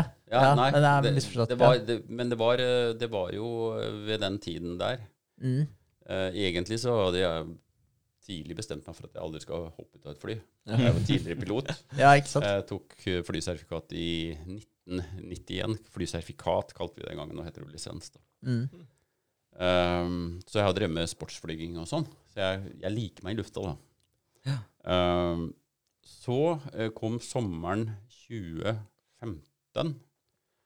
Og da skulle vi ha besøk fra USA og Mexico. Så var det et eller annet som skjedde, eh, sånn at det ble kansellert den sommeren der. Sånn. Så plutselig så var det da to uker som ikke var eh, fylt med noe i sommerferien. Men før det igjen så, så var det en eh, fyr som heter Henrik Fjellet, Mm. som, eh, som drev og hoppa fallskjerm sammen med en annen Henrik. Stemmer det? Han sitter der. Ja. Stemmer det. Jeg har jo faktisk hoppa litt, jeg òg. Altså er, her snakker vi om det, den tilfeldigheten, eller hva man skal kalle det, i livet, ikke sant? Mm. Jeg tror ikke at jeg hadde begynt med det her uten at det, Henrik Fjellet og Henrik Berger hadde vist meg altså hvordan man kan hoppe fallskjerm i Østfold. Mm. Og når jeg så den filmen, da, deg og Henrik hoppe ut av flyet jeg, jeg tror det var Henrik som viste meg, eller var det deg? Jeg husker ikke. Nei, jeg husker ikke helt, jeg heller. men jeg så i hvert fall at dere stupa kråke ut av flyet og sånn. Og jeg var så imponert. Jeg tror dere hadde 26 hopp eller noe sånt. Og jeg Det tenkte liksom, fy søren, gutta er erfarne. Og så det, det, dette kan de. Ja, ja. Og på så kort tid, liksom. Ja. Så jeg var kjempeimponert. Og så når da den sommeren kom, at, hvor det var et lite vakuum, da, så dukka det opp i hodet mitt. Skal jeg ta og sjekke opp det, det Henrik og Henrik eh, gjorde? Mm. Så tok jeg kontakt med Nimbus fallskjermklubb, da, og så Jo da, de hadde kurs. Kunne, det var, de hadde vel kurs jeg tror det var to uker etterpå. Ja. Mm. Så jeg snakka med frua om det her hjemme, og så hev jeg meg på. Jeg må Ja. jo prøve det her, for det Henrik og Henrik viste meg, var jo Ja. Så det første hoppet det handla jo egentlig bare om å overleve. Det, det, det var det mest skrekkinngytende Ja, skrekkblanda frydopplevelsen jeg har hatt i hele mitt liv. Det glemmer jeg aldri. Liksom jeg satt i det flyet der, skulle hoppe ut alene. Titta frem, eh, og det blåser da 150 km i timen. Ser rett inn i en flypropell, og masse bråk fra en, eh, en motor. Så er det en som skriker 'hopp!' og jeg hopper, ikke sant. Så der starta det, min kjære venn. Ja, Ja, og du, er- du har en brikke med i det her, sånn, og det forandra livet mitt. Og jeg, jeg, jeg, jeg kan ikke tenke meg noe mer kult for meg enn det jeg holder på med nå. Jeg er liksom ah, jeg, det, det, jeg har virkelig funnet greia mi. Moro. Det er dritkult. Ja, det er. Så det var veldig hyggelig å høre at dere at dere- Altså, vi, vi har jo snakka litt tidligere om eh, at du, den der ripple-effekten, da. Mhm. Hvis du, når du kaster en stein i et vann, Ja, liksom. Altså, de der små bølgene, de, de brer seg utover. Du Ikke sant? aner ikke hva det påvirker, da. Ja, ja. Så det var, det var veldig gøy å høre, da. At jeg og Fjellet var med på eh, Hva skal jeg si? Ja, Eh, ja. Plantet frø der. Plantet litt Jeg, frø, ja. det, det Ja. fikk det. jeg tror det var med på å også bikke over at jeg faktisk gjorde det her. For jeg så det var faktisk mulig å gjøre det i Østfold. Det visste jeg ikke. Ja, ja kan du se. Men så, kult. men så er det vel et eller annet at du, du må ha x antall hopp før du kan dra på deg en wingsuit òg, eller? For du, Ja. du har hoppa noen hopp. Ja da, Ja. Du, du skal ha 500 hopp før, 500 hopp, ja. Ja. før du uh, får utsjekk på wingsuit. Ellers, Du kan få det tidligere òg ved et unntak, og det betyr at da skal du ha gjort 200 hopp innenfor de siste 18 måneder. Ok, Mm. Så det er mange hopp på kort tid. Det er mange hopp på kort tid, for en wingsuit er noe helt annet enn eh, en fallskjermhopping når det gjelder uh, mulige ting som Ja. ikke går helt bra. da. Ja, ikke sant. Eh, så du bør ha rimelig kontroll. Du skal være en erfaren fallskjermhopper før du, før du tar på deg en wingsuit. For det, altså, når du hopper ut av et fly med fallskjermrigg på deg, uten vingsut, vanlig fallskjermhopper, så kan du på en måte bli ustabil i lufta, og du kan få en tvinn på linene på skjermen. Det kan være et eller annet med skjermen sånn at den ikke fungerer som den skal. Og da har du jo plan B. ikke sant? Det er å kvitte deg med hovedskjermen, og så trekker du reserveskjerm. Mm. Og da Dette går som regel alltid bra. Ja. Når du tar på en wingsuit, så er det samme som at du skal gjøre det samme, men at du tar på deg en tvangstrøye. Armer og bein. Du har Altså, du skal øh, Hvis det ikke går som tenkt ved vanlig fallskjermhopping, så har du frie armer. Du kan ta armene opp til linene, du kan nå reserve og, og cut away og sånn lett. Ja. Uh, I en wingsuit så er du faktisk bindfast. Det, det, det er glidelåser, det er trykksats ut. Du, du er bare der. Mm. Og da må du på en måte ha exita riktig fra flyet. For hvis du hopper ut med wingsuit fra flyet, lufta kommer mot deg da som en usynlig bølge. ikke sant? Kan tenke deg du, du, du er på en strand, og det er høye bølger. Så går du ikke inn i den bølga som kommer sånn. sånn. Da blir du bare slått rett ned. ikke sant? Ja. Du stuper inn i den som en kniv. Ja, ikke sant.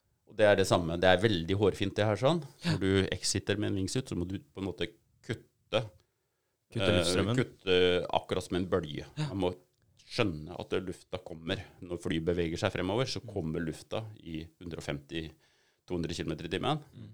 Og du kan tenke deg hvis du tar handa ut av vinduet, du kjører på E6-en i 110, Mm. kjenner en luftmotstand der. Mm. Her har du da på deg en, en drakt som er to kvadratmeter stor, ikke sant? Mm. Og der, der skal du treffe riktig hver gang.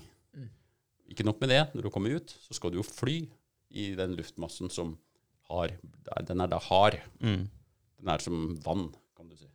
Det er ikke luft lenger. Nei. Det man jobber i. Altså, det, er ikke, Ja. det er ikke ingenting. Nei.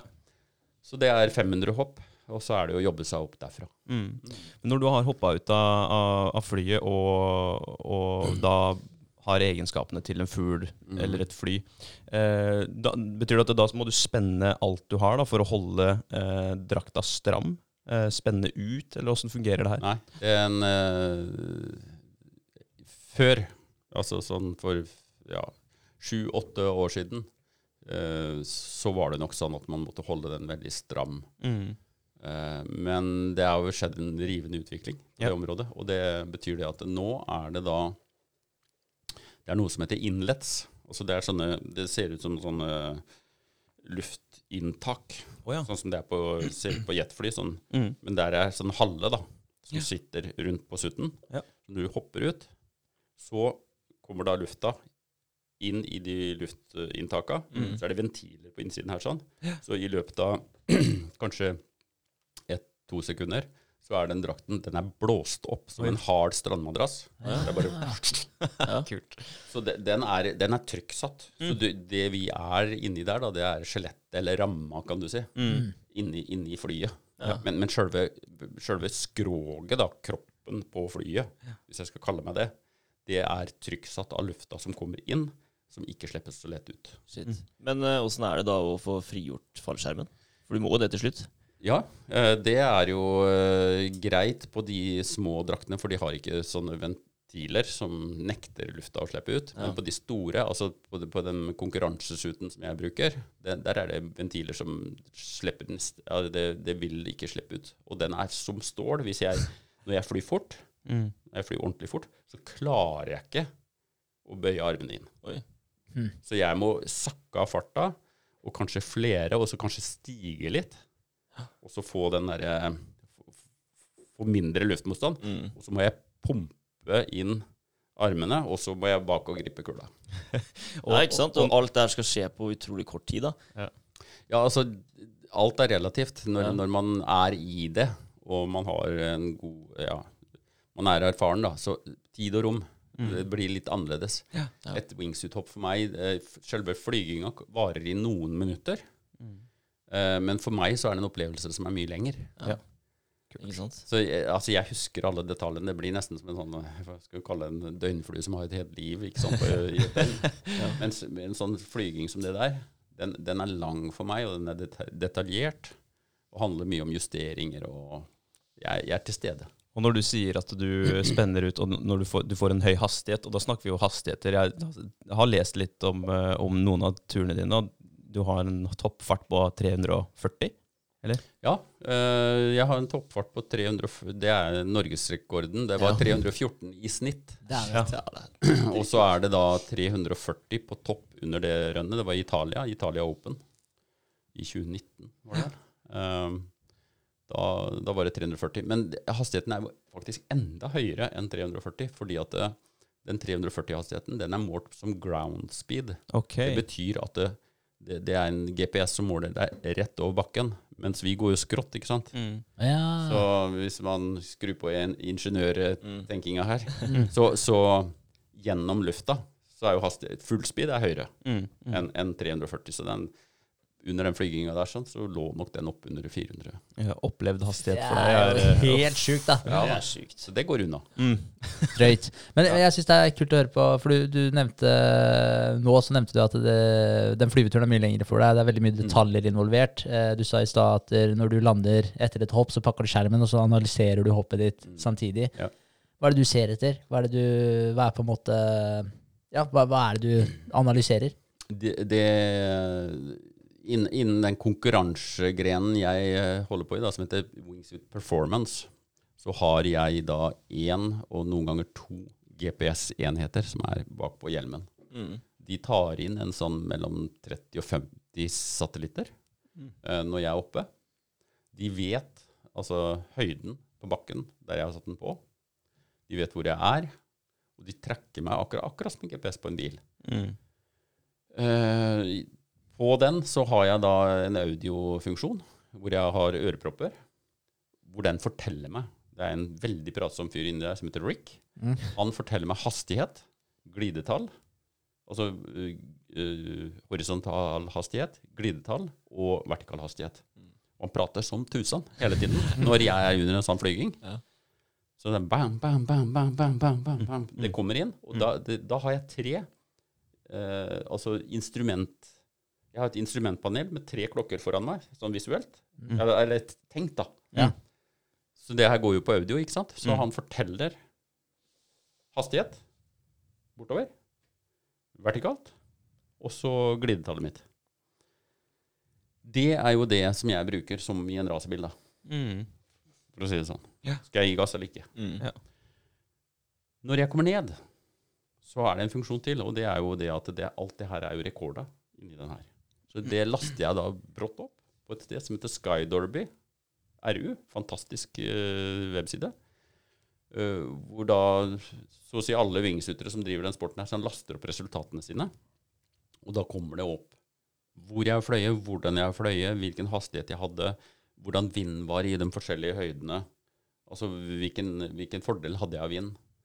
Um, hadde jeg nok uh, vertikal hastighet når jeg stuper ut av flyet, så, så, så, så går jeg rett ned så fort som mulig, for jeg skal bygge opp energi. Mm. Så da, på gode dager så har jeg 300 km i timen bare rett ned.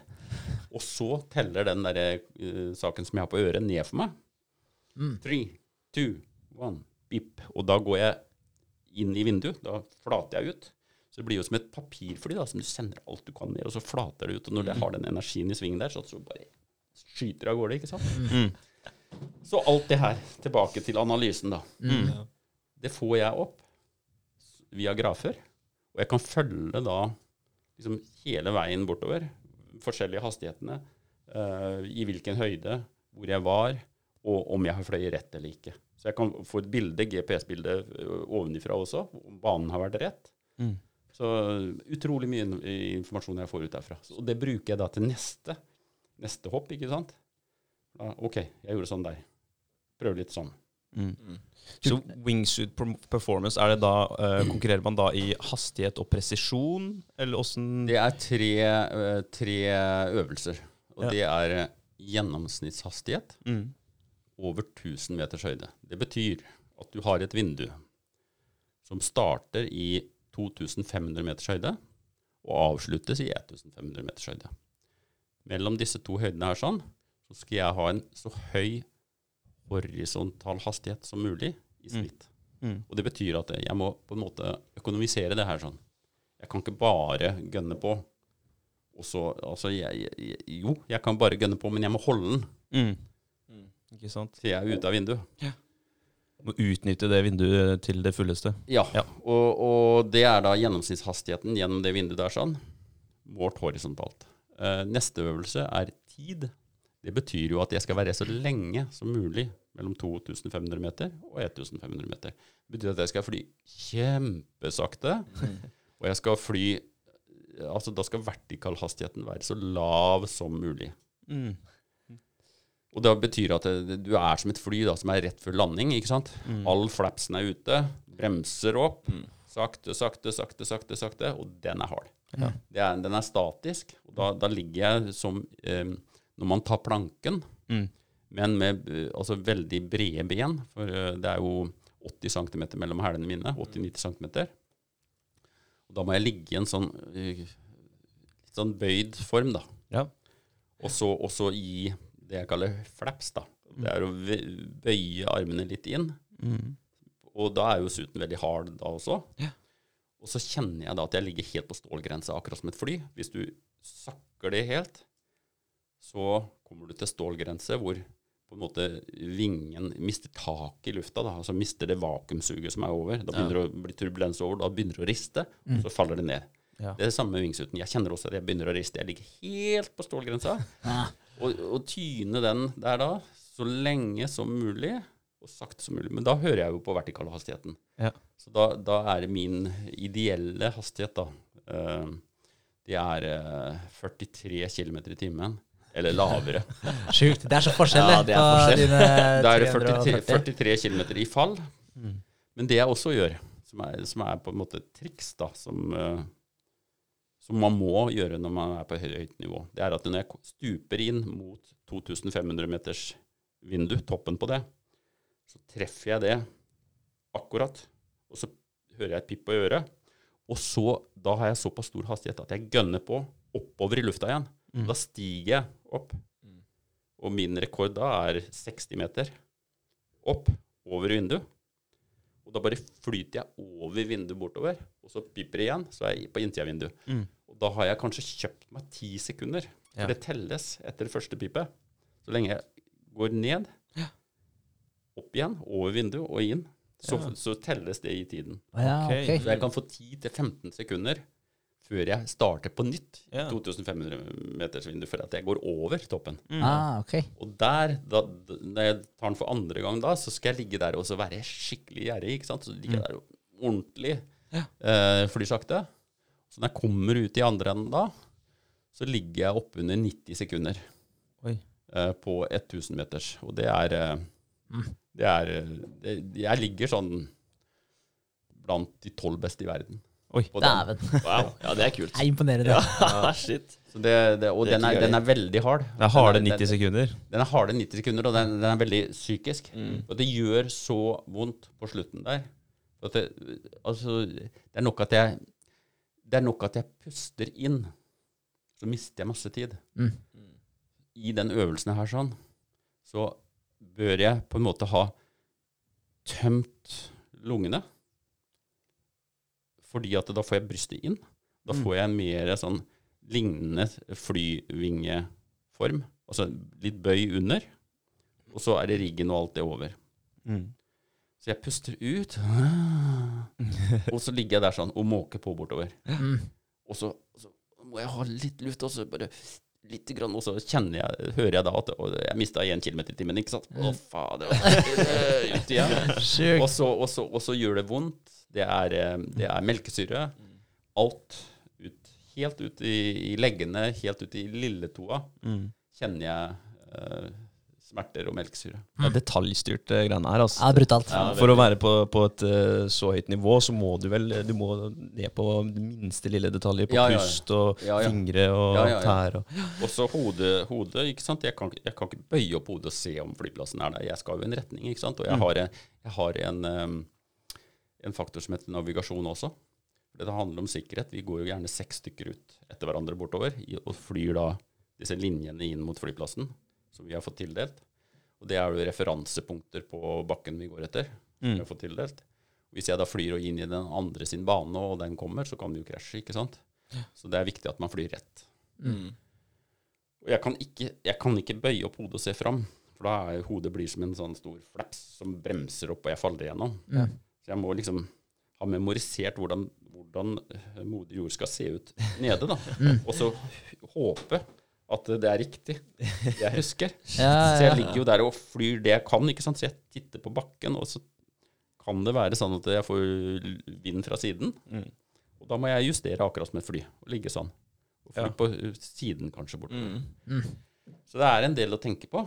Eh, og kroppen må være i samme posisjon som jeg har bestemt meg for hele tiden. Ellers så, så er det bare det hoppet det er bare ødelagt for meg. Ikke sant? Hvis jeg ikke får til det. Har du også flydd eh, Er det noe formasjonsflying i lag òg? Ja, ja. Det jeg, har flydd, eh, jeg har flydd mest jeg har flydd på sånn tight. Det er vel 18 stykker. Oi. Og da ligger vi, så da ligger vi lag, Mm. lagvis oppover, og ved siden av hverandre utover. Det er ganske kult å se på fra bakken, for det ser ut som et svært fly som kommer. ikke sant? For at det, det blir så mye, da. Ja, ja. Shit. Da, da ligger vi der, og da kan vi også ligge og så, og så dokke, som det heter, og så holde hverandre i hendene. Mm. Så det, men da flyr, vi ikke, da flyr vi ikke i over 300 km i timen. Da nei. er det nede på 200, et sånn Ja. kosehastighet. Kose deg. Ja, men, eh, men det er jo veldig små marginer her, da. Eh, har du noen gang opplevd Har du noen gang hatt en litt vemmelig opplevelse? Oh, ja. Ja. Flere Ja. ganger, kanskje? Ja, nei, altså, du kan sikkert sammenligne det som med, med speedski, alpint, altså generelt. Altså, Lever det, på grensa. noen, det er noen ganger man, eh, man opplever altså, at ting ikke går som det skal. Ja. Eh, men allikevel så går det som regel bra. Eh, men, men ja, jeg har opplevd ting, og jeg har, jeg har mista venner. Mm. Eh, absolutt. Så det er ikke ufarlig, men, men, men det er ikke kjempefarlig heller, da. Så det handler om hvem man flyr sammen med, hvordan man gjør det, sikring av eget utstyr. Det er klart det har, det har vært noen episoder. Eh, og det, man kan dulte borti hverandre i lufta også. Det har blitt litt neseblå og sånn. Mm. Ja. sånn, sånn man kan klaske sammen, men hvis man ligger tight, da, Mm. helt tett innpå hverandre, og man går inn i hverandre da, man er i samme retning, så, så er det egentlig bare blåmerker og sånn. Mm. Eh, men hvis man uh, er på kryssende kurs, hvis noen f.eks. Uh, mister retningen, har en dårlig exit fra flyet Vi er eh, 16-18 stykker som bare vi tømmer flyet så fort som mulig. Mm. Mye stress. Og igjen da snubler i døra, så kan den da komme altså Hvis formasjonen er da under, man samles, så kan den da komme som et prosjektil, ikke sant. Ja. Og treffer den da, så, så kan det gå dårlig. Ja. Eh, men jeg, jeg har ikke blitt truffet ennå. Eh, det har et par ganger kanskje, så har det vært veldig nære på. Uh, men etter hvert så lærer man seg også til å unngå de tinga, da. Ja, var det jeg skulle fram til, eller det jeg tenkte på mens du snakka om det her òg. At det er jo til syvende og sist litt opp til en sjøl. At klart. du har gjort jobben din i forkant Ja. av hvert hopp. Yes. Som egentlig alle annen risikosport. da. Ja. Det er jo det det er. Ja, ja. Så det er, det er ikke bare nybegynnere som, som det går gærent med. Nei. Det er også erfarne, men erfarne har lett for å liksom kanskje la det gå uh, Ta litt lett på Ta ting. litt lett på ting, rett og slett. Eh, jeg kjører akkurat samme prosedyren som jeg har gjort hele tiden med utstyr. Mm. Utstyrssjekk, Mm. vingsutsjekk, alt. Jeg har mine, akkurat som en flypilot har i et fly, Ja. eh, min sjekkliste inni hodet. Mm. Jeg går gjennom alt hver eneste gang, for jeg vet at det er den ene gangen. Det er den ene gangen. Mm. Det skal ikke noe mer til. Nei, den ene gangen din personlige HMS ikke har vært eh, Ikke sant? ja, Og, og ting, andre ting ikke stemmer. Mm. så kan det gå dårlig. Men når, eh, når jeg sier dårlig, så betyr det jo ikke at man dør. Nei, nei. Man får noen skader i det her som i alle andre sporter, altså brekte bein, brekte armer. Eh, vi har en reserveskjerm Mm. må man ikke glemme bort. Vi har faktisk en, noe som heter AAD. AD, det er eh, automatisk utløser, da. Mm. Eh, Så hvis man skulle svime av, og du styrter mot bakken, så løser den ut reserveskjermen ved ca. 1000 fots høyde. Okay. Da kommer den automatisk, og den kommer fort. Mm. Så det er jo i forhold til for eh, kanskje 15 år siden, Mm. hvor ikke sant var påbudt, så er jo sporten altså blitt mye, mye sikrere. Ja. Færre, færre dødsfall. Så det er ett dødsfall per 180 000 hopp, tror jeg det er i snitt. Det trumfer jo Eller det er jo mye bedre enn mange andre sporter. Det er det. Så- Absolutt. Absolutt. Det er vel sikkert bedre enn å kjøre bil òg, jeg vet ikke. Ja, det er. Det kanskje, Ja, kanskje ja, det, ja. Det kommer litt an på hva, hva, hva, ja, hva slags hopping man driver med. Ja. Men uh, for base er kanskje den som er mest risikofylt. ja, ja. Ja. ja, for der har du bare én skjerm. Der har du bare én skjerm, eh, og okay. du, har, du har ikke noe plan B. Nei. Nei. Og det er mange reservetrekk i Norge hvert år. Ja. Ja. Det er det. Mm. Uh, og alle disse hadde gått med hvis ikke de hadde hatt en plan B. Det, sant? det er, hvis du skal sammenligne med en base, så er det riktig det du sier. Der har ikke. Reserve. Nei. Hvorfor har ikke de det? Er det vekta, eller er det Nei, det handler om at det er eh, Ikke tid. det, er, det, er ikke, det er ikke et poeng å ha det, for det er ikke tid. Nei. Det er for kort ned til bakken. Og en annen ting er at den ene skjermen som de har, den er pakka i på en måte i hele riggen, sånn at den skal åpne seg enda sikrere enn en vanlig fallskjerm. Når de trekker skjerm, så på en måte åpne hele ryggen på ryggen seg. Det er ikke, det er ikke plass til noe reserve. Og det er en større skjerm også, som regel, som bare kommer med en gang. Så det er, det er ganske safe, det også. Men Hvis den ikke skulle løse ut, da. Så, ja.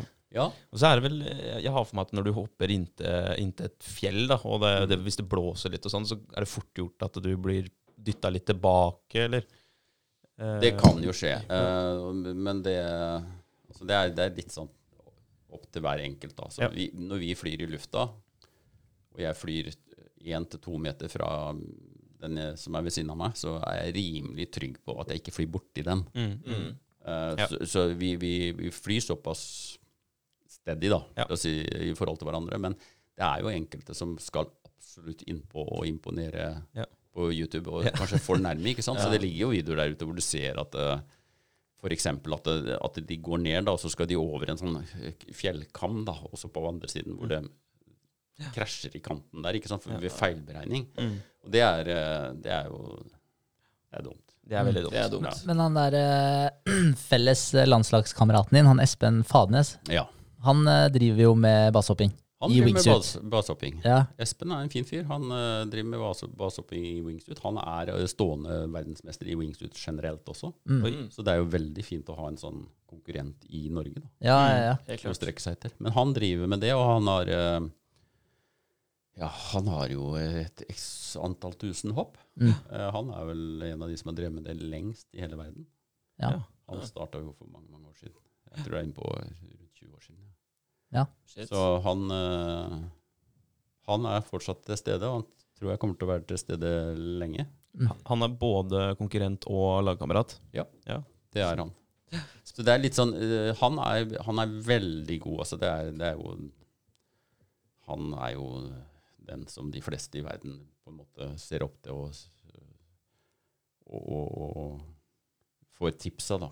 Mm. Altså, um, Men det er altså Jeg uh, har veldig stor respekt for Espen. Uh, men målet mitt er jo å slå han.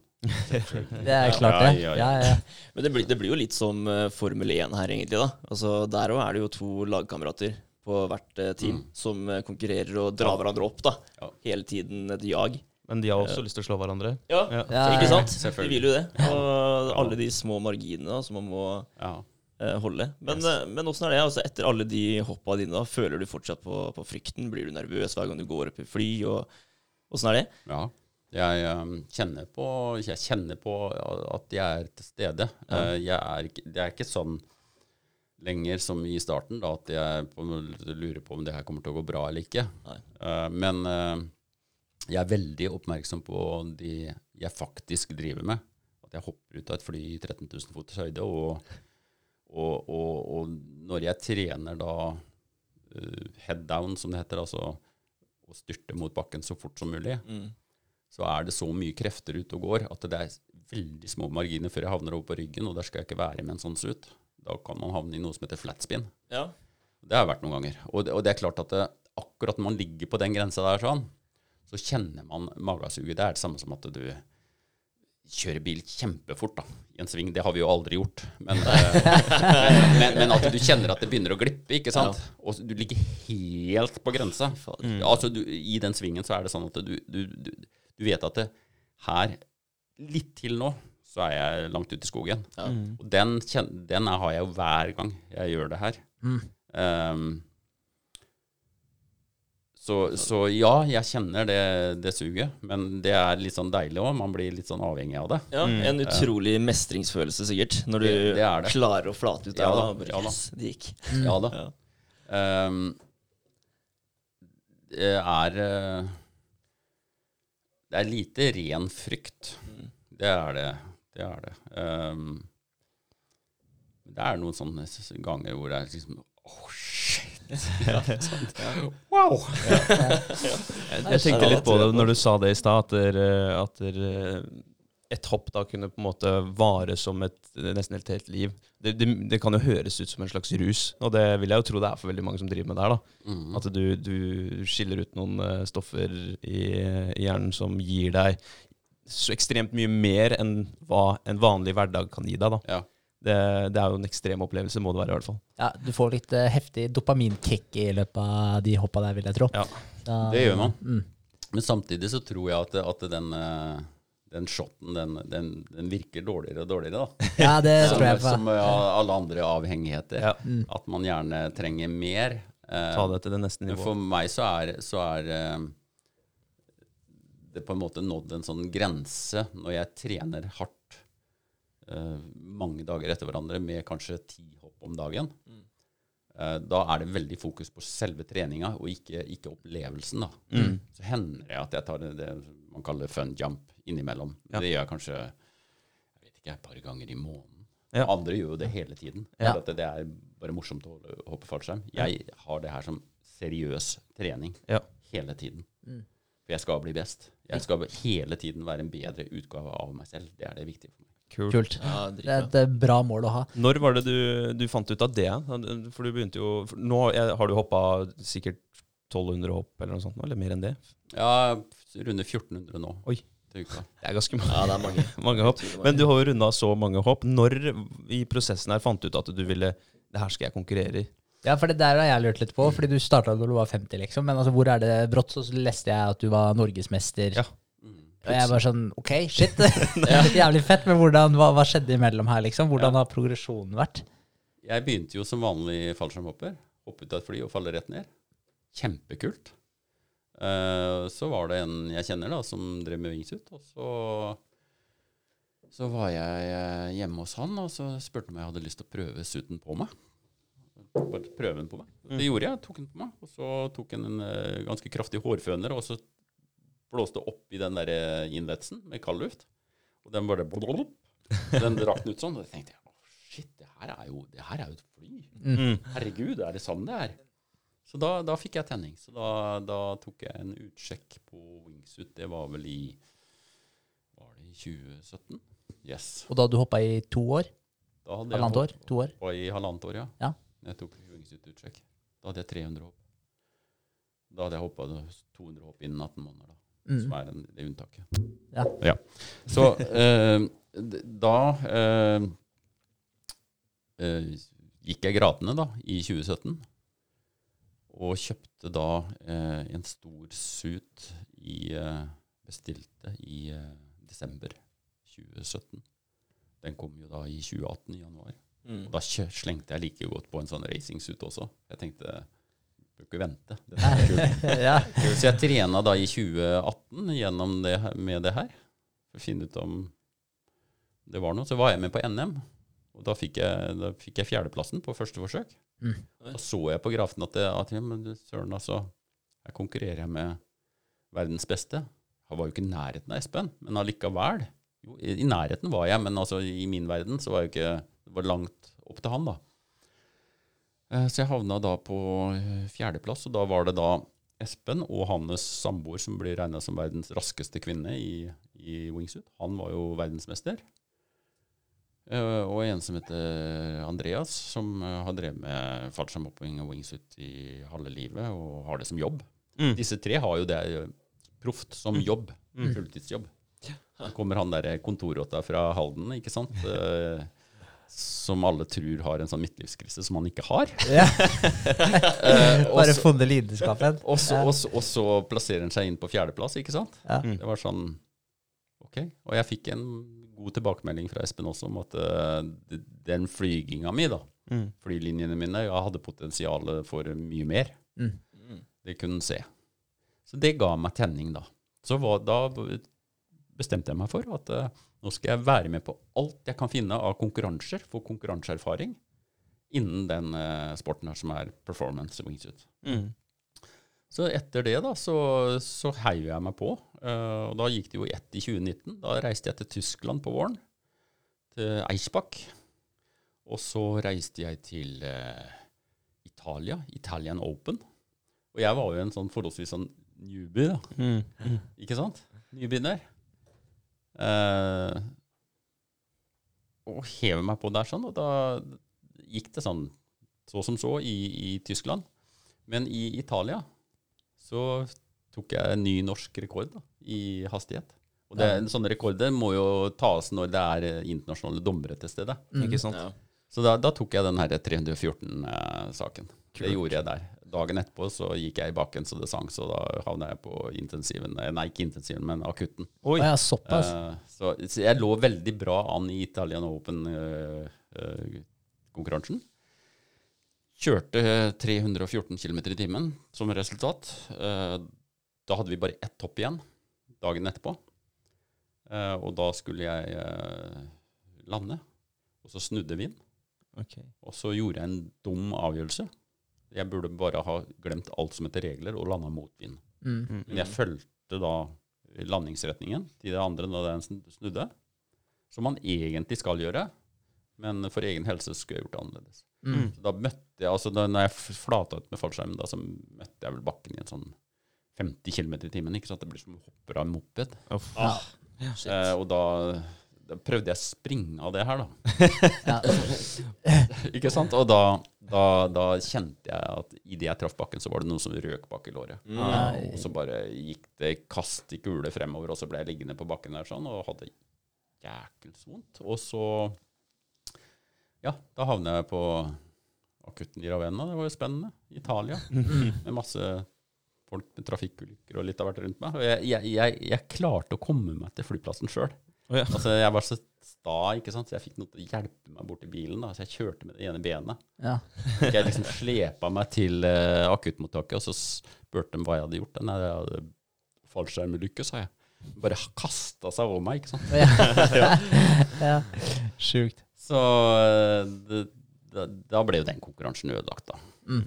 Um, Hvor lenge var du på sidelinja da før du tok opp tråden igjen? Måneds tid. Måneds tid, ja. Ja. Det, det, var, det var hamstringsmusklene. Jeg hadde ikke røket helt over. Nei. Men meste, altså jeg, det var sånn at jeg eh, når jeg lå på magen, så klarte jeg det ene benet klarte jeg ikke å løfte opp i det hele tatt. Mm. Jeg, ingen Nei. kontakt, Okay. føltes det som. Ekkelt, da. Så jeg fikk jo hjelp av en fysioterapeut her i byen, og fikk råd og trena med en gang, rett og slett. Og kaldt og varmt og alt det her, ikke sant. Øh, omslag. Holdt på med det her i en måneds tid, og da var jeg i gang igjen. Så eh, da var det jo eh, å gå på Swedish Open. Mm. Ja. Ja. Da var jeg ikke bra, helt bra i benen igjen, men det ble gull, da. Ja, dæven. Det var så fett å kjøre hjem derfra. Også. Jeg kjørte, det var langt ned i Syd-Sverige, ikke sant. Ja. Kjørte hjemover med en gullmedalje på dashbordet. Jeg trodde ikke det var sånn. Nei, det er helt rått. det var, det var veldig moro, altså. Mm. Så det, ja. Men hvor, hvor eh, i forhold til eh, trening og sånn, altså du Åpenbart så starta jo det her eh, eh, som en hobby, var vel tanken. Ja. Så, men så har det jo åpenbart eskalert veldig etter det. Men spørsmålet er jo i forhold til eh, antall treninger, for du sier du har nevnt litt hvor mange ganger du har hoppa på en dag osv. Mm. Men hvor mange dager i uka hopper du? Hvor mange dager i måneden hopper du? Varierer det? Har du et fast treningsopplegg? Altså ja Hvordan det, gjør du det? I, I sesongen nå, da, som er sånn fra april og ut uh, slutten av september, oktober, så, så trener jeg nok en uh, fire ganger i uka. Og det, det, det, det er jo veldig væravhengig, det her. Mm. Så på dårlige dager så blir det automatisk ikke trening. Mm. Uh, men det, er, det er rundt fire, fire ganger i uka det, hvor jeg da jakter på været hele tida. Det var sånn når vi skulle avtale det møtet her sånn også, Ja. Mm. så var det sånn Jeg ser alltid på værmeldinga to da, tre dager før. ikke sant? Så skal jeg reise til Tønsberg da eller da, ikke sant? i forhold til Mm. hvor mye sol det er. Mm. Mm. Så det er ca. fire ganger i uka. ja. Det er ikke dårlig, da. så det er, blir, eh, jo, det blir jo fort en eh, Altså Jeg har gjort 200 hopp ca. nå, og, og sesongen er jo, var jo veldig kort nå pga. covid. da. Ja, ikke sant? Så det er ikke lenge siden vi starta. Nei. Nei, det er imponerende. det, det blir mye hopp. Det er mange timer i uka. Det er mange timer i uka. En treningsøkt kan ta Mm. Nei, det er hele dagen. Ja. Det er hele dagen. Det går gjerne fra 9-10 om morgenen til eh, 8-9 om kvelden. Ja. 12, timer rundt der. Ah, ja. Skjønner at man er sliten. Ja. Ja, men altså, hvor mye koster det her? Er det, er det en eh, ekstremt dyr sport, eller er det Kjøper du inn utstyret, så er det mest dekka? Åssen er det? Ja, mye er dekka når du har, har utstyret. Eh, det er klart det er, ikke noe, det er ikke noe billig sport. Det kommer litt an på hva du sammenligner med. Men å ta et fallskjermkurs, det er ikke så vanvittig dyrt. Det jeg tror det ligger noen rundt eh, Ja, hva kan det være? 15 000 kroner, eller? Mm. Ja. Da, da har du lisensen, og da har du hoppa inkludert, og utstyr inkludert Ja. Uh, for den prisen. Så må man da enten leie utstyr eller kjøpe utstyr deretter. Eh, Kjøp av utstyr eh, kan du kjøpe brukt for en eh, 20 000 og oppover. Nytt ligger på rundt 70 000 for vanlig fallskjermutstyr. ja. Så det er, det er en engangsinvestering, da. Ja, det er som en, ja, en sykkel, en fin sykkel eller noe sånt. Ikke Ja. sant? Mm. Eh, Selve hoppa er jo ikke så veldig dyrt, men gjør du det mye, så blir det mye penger. Eh, Men det ligger på rundt 250 kroner eh, for et hopp i Norge i dag. Et eh, tandemhopp hvor du er med en tandeminstruktør og bare henger foran, det er jo tigangerne, det er minst. Det ligger jo på en eh, rundt 3000-4000 kroner. Så mye av sporten vår er jo finansiert gjennom de som, eh, som er så snille og tar tandemhopp, da. ja, for da blir dere med opp. Ja, Ja, altså, nei, ja men altså, det, det går inn i klubbkassa, ikke sant? ja, ja. ja. Klubb, det, dette er klubber, dette er ikke kommersiell drift. Nei, nei. Så det er, ehm, det er en del av økonomien, da. Og, så uten tandemhopperne så hadde vi nok måttet betale dobbelt så mye. Ja, ikke sant. Ja, altså Ja. ti hopp om dagen, da, eller eh, 12-13 hopp om dagen. Det hadde blitt dyrt, det. Hvis, uh... Ja da, Ja. Det, det hadde blitt dyrt. Det er klart, uh, når jeg holder på på det nivået jeg er nå, så får jeg noe støtte fra forbundet og sånn, da. Ja. Så jeg betaler ikke alt sjøl, men mesteparten. Ja. Jeg går ut av egen lomme. Ja. Så det er klart, uh, 100 hopp, det er 25 000. ja. Det har det. Ja, Ja. ikke sant. ja, ja. Men, eh, eh, men de fleste som driver med det her som en sånn eh, sport, fritidsaktivitet, da, sånn for moro skyld, mm. eh, de hopper ikke stort mer enn en, kanskje 50 hopp i året. Nei. Mm. Ikke sant? Så da, da koster dem ja, 7500, eller? Ja, ikke sant. Nei da, det gjør det ikke. 12 500 blir ikke det. Levelig. Men uansett, ja. Levelig. Helt sant. Ja. Men merker du da, i forhold til å prestere på et så høyt nivå, altså i alle ting som man skal prestere på et høyt nivå, så krever det jo mye tid. Altså i prioriteringer og sånn, før, eh, før du begynte med det her, kontra nå, er, merker du det er mange ting du nå må prioritere bort? Er det noe som er vanskelig å prioritere bort, eller altså Hva tenker du om det? Ja, man blir jo flinkere på å prioritere. Man blir kanskje mer effektiv på den tiden man er hjemme. Jeg har jo en familie, jeg også. Jeg har jo en kone som er veldig tålmodig. Mm. Og hvis hun ser det her, sånn, så sier jeg jo tusen takk, ikke sant. ja.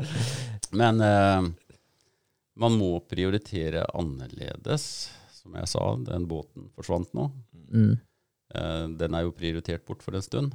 Um, jeg har øh, en veldig god arbeidsgiver som uh, har stor forståelse for det jeg driver med. Syns det er moro. Eh, og det har jo vært hjemmekontor nå siste halvannet året uansett. Mm. Eh, så jeg har jo løst mye da ved å ha en eh, Jeg gikk til innkjøp av en campingvogn for første gang i mitt liv. Ja. Og den har jeg da plassert på Tønsberg. Eh, Så når jeg har hjemmekontor, så kan jeg ha det der også. Ah, Ja. smart. Ikke Ja, det er smart. Mm. Så da har jeg hjemmekontor der, og så går jeg på trening uten å tape all den reisetiden. Så det er jo en måte å effektivisere på. Ja, ja. Smart. Løsningsorientert. Og så har jeg jo Nimbus, som ikke er så langt herfra. Det, jeg er jo der oppe noen ganger også, så det er jo kortere tid, og det går mindre tid da. Men det er klart at eh, det, det har jo gått utover fellestiden hjemme, det har det. Mm. Det er klart, ja. Kona syns også det er morsomt da, at eh, det er fart i mannen, for å Ja. si det sånn. Ja, ja, det skjønner jeg jo. Altså, det, er, det har vært veldig mange eh, ja, bieffekter da, av det du har starta med her, som har sikkert vært veldig positivt for, eh, ja, for partneren din òg. Absolutt. Ja. Det, det vil jeg tro. Jeg, jeg, jeg, jeg sier det sånn, jeg, uten at hun har mulighet til å si meg imot nå. Mm. uh, men ja, jeg tror det. Uh, hun har fått en mann som er i bedre fysisk form. Uh, jeg har tenkt til å, å holde den fysiske formen lenge. Ja. Jeg har satt meg et nytt mål, og det er at jeg skal bli 105 år gammel. Ja, ikke sant? Så jeg har ikke tenkt å dø av vingsuthopping. Um, og da betyr det at jeg skal holde meg i form Mm. nå. Mm. Nå må jeg bygge, bygge grunnmuren for den. Jeg skal slå bestefaren min. Han ble 103.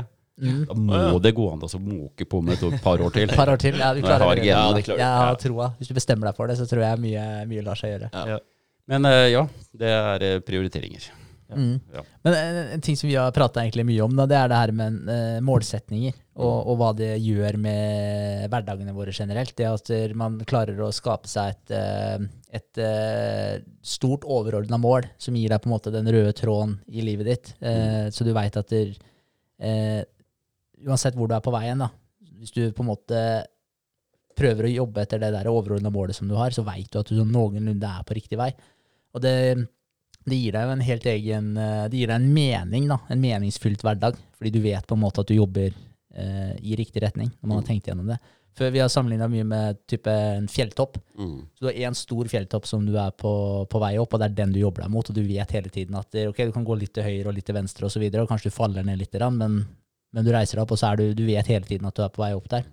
Jeg føler før vi starta med de tinga vi starta med, så, så var det akkurat som at du hadde mange fjelltopper som du egentlig hadde lyst til å nå. Så starta du å gå litt opp den ene, og så tenkte du nei, den fjelltoppen der ser kulere ut, og så begynner du å gå opp den andre, så, så du kommer deg liksom ikke ordentlig noen vei, da.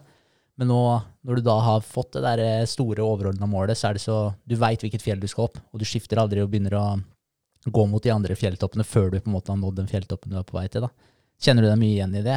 Jeg kjenner meg veldig igjen i det. Mm. Ja. I 2018, når jeg tok fjerdeplassen i NM, så begynte jeg med en gang etter den konkurransen å kartlegge hva er det som skjer fremover i den sporten her nå. Jo, det neste store som skjer, det er VM i Russland, i Sibir, i 2020. Mm. Der skal jeg være med. Det var bare. Den klinka jeg inn da. Ok, hvordan skal jeg kunne være med der? Jo, det er å trene mye, få massivt med konkurranseerfaring. Fordi at jeg ligger langt etter, på den tiden så lå jeg langt etter alle de andre på det nivået. Og holdt på med det her i årevis. Ok, massivt med konkurranseerfaring. Kjørte på. Det målet var der hele tiden. Russland, Sibir, 2018. Eh, resultatene har bare blitt bedre og bedre. Altså, det er jo åpenbart, men trening virker. Mm. Det gjør det. Og trener man ikke, så virker det ikke. Mm. Så målet har vært der, som du sier. Jeg har gått mot det målet hele tiden. Så kom covid, og da ble det i Russland utsatt et år. Eh, så Russland 2020 skjer nå i 2021. Det skjer om en og en halv måned fra nå. Spennende. Jeg er på, med der, Oi. og vi reiser. Fett. Ja, det er Det blir spennende å følge med på. Så da er det en NM om to uker, og så om litt over en måned så er det inn i Sibir. Det er da et fly som går fra Moskva, et vanlig passasjerfly. Jeg må komme meg til Moskva først. Så går det inn i ingenting i fire og en halv time. Mm. Det er sånn som du reiser herfra til Malaga omtrent. Mm. Men det er ikke noe mellom. Det er bare liksom, Blir du uh, sittende fast inni der, da, så kan du ikke, du kan ikke leie en bil eller komme deg inn på en måte. Da Mm. Det er Sibir. Shit. Ja. Ja. Så det er fem timers tidsforskjell herfra. ja. Inn i ingenting. Dæven. Med temperaturer og sånn der, ja? Ja, som norsk sommer. Ja, Masse, norsk, masse ok, mygg ja. har jeg hørt. Mm. Ja, ok. Masse mygg. Ja, masse mygg og, med norsk sommer. Ja. Ja. Så det er en by som heter Novosibirsk. Ok. Og det er en by eh, som ingen har hørt om, men den har to millioner innbyggere. Ja. Oi, Midt inni der. to mil. Ja. Ja, men eh, Så det er målet mitt. Det, det var målet mitt, og det kommer til å skje. Jeg sa det i 2018. Jeg skal være med i VM. Mm. Folk titta på meg, ikke sant. Liksom. Ja, ja, du har vært med på én konkurranse. Men det, jeg, jeg, etter at jeg har hørt dere har fortalt om forretningsideen deres og sånt nå, jeg har altså, klokketro på, og jeg vet at det, det første du må gjøre, det er å sette deg målet, og så må du tro på det. Mm. Og så er neste steg gjøre det. Ja. Altså materialisere veien underveis. Legge en plan. Mm. Lage et kart. Altså skal du gå herfra til Jotunheimen da, for fot, så bør du ha et kart. Du Mm. bør ha en plan. Du vet fjella ligger der, du må over dem. Mm. Ja, Lag en plan, da.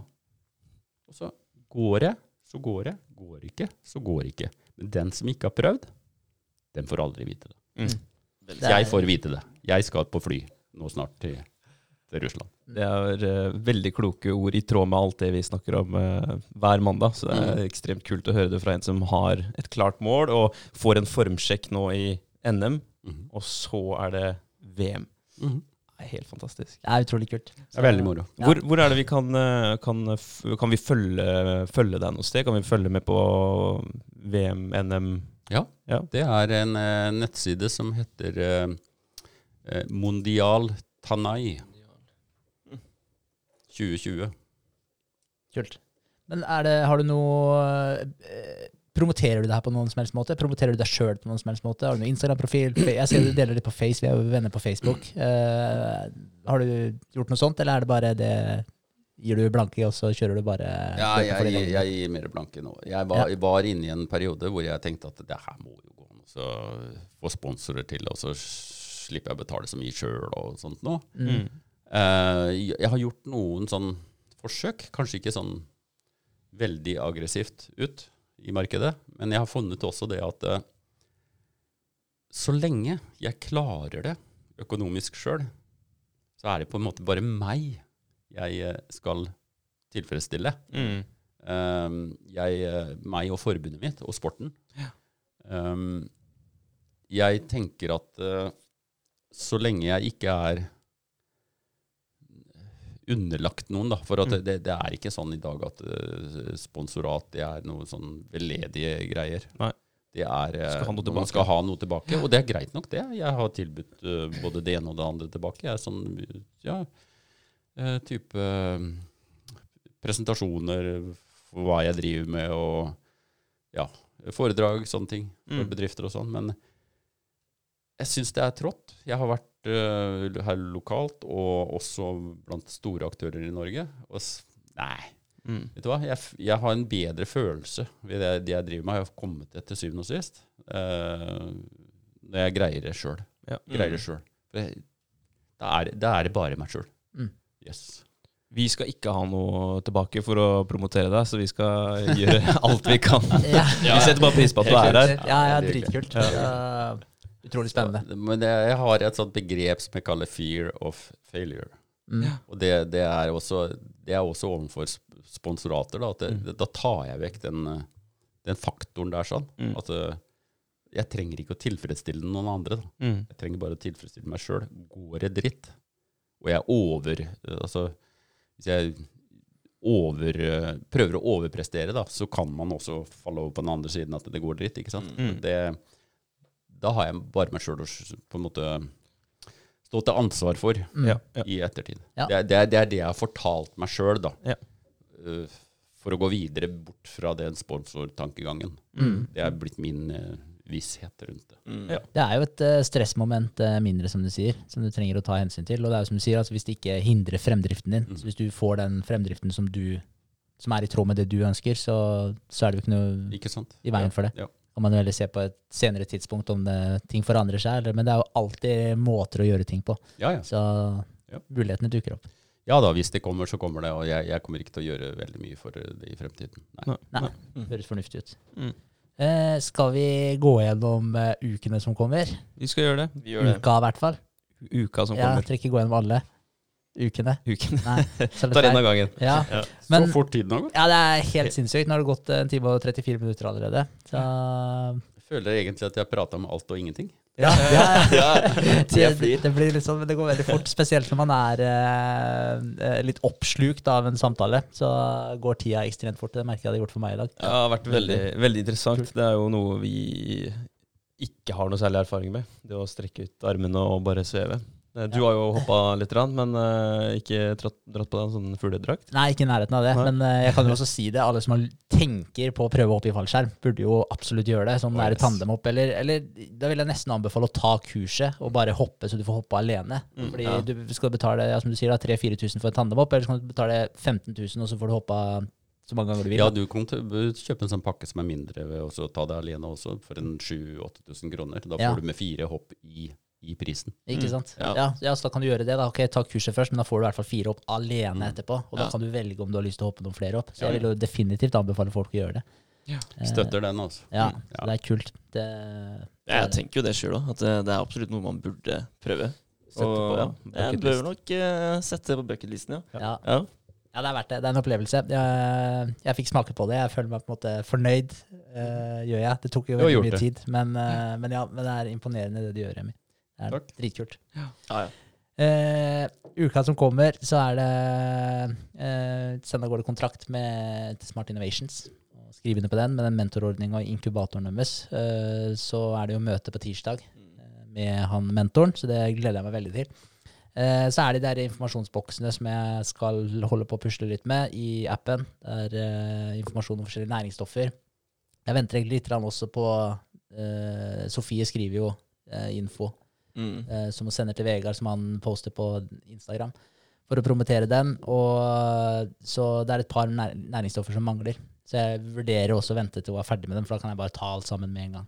ja. Så- Det er jo egentlig like greit. Ja, Ja. Så se litt hva som kommer ut av møtet på tirsdag med han, og hva han uh, syns vi skal legge litt fokus på. For jeg gleder meg til å få litt uh, input. For vi trenger veiledning. Ja. Og, og så få uh, Jeg har tenkt på det lenge, faktisk. Det å få en mentor og ha en som ja, virkelig har gått gjennom det før deg, og, og kan peile deg litt i riktig retning, unngå noen fallgruver, og, Ja. og se litt eh, For han ser jo med en gang hvor det er Hva, hva er det vi mangler? Mm. Man ser jo det allerede på produktet vårt og eh, måten vi promoterer det på osv., hva som er viktig for oss i den fasen vi er i nå. Mm. Så det kommer til å bli mye verdifull input, og, som vi definitivt deler med deg og Espen òg. Så. Eh, så dere kan sikkert eh, dra litt nytte av det, dere òg. Mm. Men, eh, så det blir spennende. Så da blir det å se litt hva som kommer ut av det møtet, og så prøve å peile ut litt eh, retningen framover etter det. Ja, ja. Nei, jeg har trua på det blir en, det blir en fin dag. Ja. Mm. Ja, det blir morsomt. Mm, så det er eh, planen. Ja, jeg og Espen vi skal ta stilling til om vi skal gjøre noen endringer på appen nå med en gang, eller om vi skal drøye og få, få inkludert mer. Da. For det er jo en del endringer vi har lyst til å gjøre. Vi er jo på en plattformløsning. Der er det endringer innimellom. Men de som uh, ikke er planlagt fra uh, utvikleren sin, uh, sin plattform, eh, de må vi koste sjøl. Så vi skal ta en stilling til det, og så skal vi um, jobbe med regnskap og, og mer innhold på både sosiale medier og, og sjølve appen. da. For nå har jeg vært nede og levert en sånn tablet til Murtnes også, så nå har han alt set up for å legge ut litt flere retter. Um, så det er uka som kommer. Kult. Yes. Kult. Ja. Jeg skal fortsette med søkemotoroptimaliseringa. Um, og få ut uh, bilder på Instagram. Skal gjøre. Uh, så blir det møte på tirsdag, da. Ja. Som vi ser fram til. Nice. Ja. Og så skal jeg fortsette med kalde dusjer hver morgen, og så løpetur med bikkja stort sett hver morgen. Og ja, holde meg i form. Inspirert av Remi, Remi sin, eh, trenings, sitt treningsregime i dag. Ja. Det er veldig bra. leve lenge eh, med god helse. Ja. Ja. Jeg, jeg også sier det til meg sjøl hele tiden, at jeg skal bli 100 år. Det har jeg sagt hele tiden. Så Ja, du må si det først. ja, ja, ja. Og tro Ja. på det. Ja, Og tro Ja. på det. Og hvor, for hvor er det man blir gammel først? Det er definitivt eh, Oppi, ikke i kroppen. Nei, det er oppi Nei. skallen. Oppi skallen. Aldri la noen fortelle deg at du er eldre enn det du er. Altså. Nei, og det er veldig sant òg, fordi folk eh, begynner eh, eh, å si Altså bare, bare når de bikker 30, så sier folk eh, faen, går bare nedover eh, Mm, herfra, ja. liksom. Og så bare er det sånn ah, bør bli gammel, og det er alltid sånne, sånne kommentarer. Og jeg tror det er veldig ødeleggende for, eh, for eh, ja, det du får til. For hele deg, Ja, Du setter standarden allerede der. Mm. Jeg skal gå av med pensjon om fire og et halvt år. Ja. Jeg gleder meg som en unge. Ja, ja. Da, Da da starter det det. Ja, ja, ja. Så jævlig fett, liksom. Ja, det er kult. Ja, det er kult. Uka de som kommer, Remi, hvordan Nå ser det ut? Nå er det ferie. Mm. Eh, jeg får muligens besøk av min kjære sønn Sebastian og Ja. henne, hans eh, dame Oda. Håper jeg på. Eh, så blir det å porsjonere litt. Trening også i Tønsberg. Mm. Så det blir å jakte på været. Mm. Og så planlegge dagene etter hvordan været er, og så sosialt innimellom. Mm. Sånn blir den uka. Nå er det oppkjøring mot NM. Spennende. Ja, utrolig spennende. Gleder oss til å følge, følge deg i NM og VM. Så Hyggelig. Absolutt. tusen hjertelig takk for at du tok tida. Vi vet at den er verdifull nå som været er bra. Ja. Vet du hva? Jeg syns det var veldig verdifullt å være her, og jeg utrolig imponert. Jeg skulle ønske jeg hadde det mindsettet som dere har når jeg var en sånn 5, 6, 27, 28 år. Mm. De, dere kan nå hvor langt dere vil med den måten dere tenker på. Nå tenker dere apper og sånt nå. Mm. Det kan hende at det er suksessen. Ja. Eh, men gi dere aldri med Mm. den måten dere jobber og tenker på, for at det er oppskriften på suksess. Ja. Det er nesten en, en lovmessighet i det. Ja. Kjør på, og dere kommer til å ha suksess. Veldig hyggelig å høre, Ja, og vi har troa på det, vi også. Uh, kult av deg, Remi. Det var en uh, fin uh, speech å avslutte Dypt vann nummer 39. 39, ja. Ja. Takk for i dag. Takk for i dag. Takk for i dag.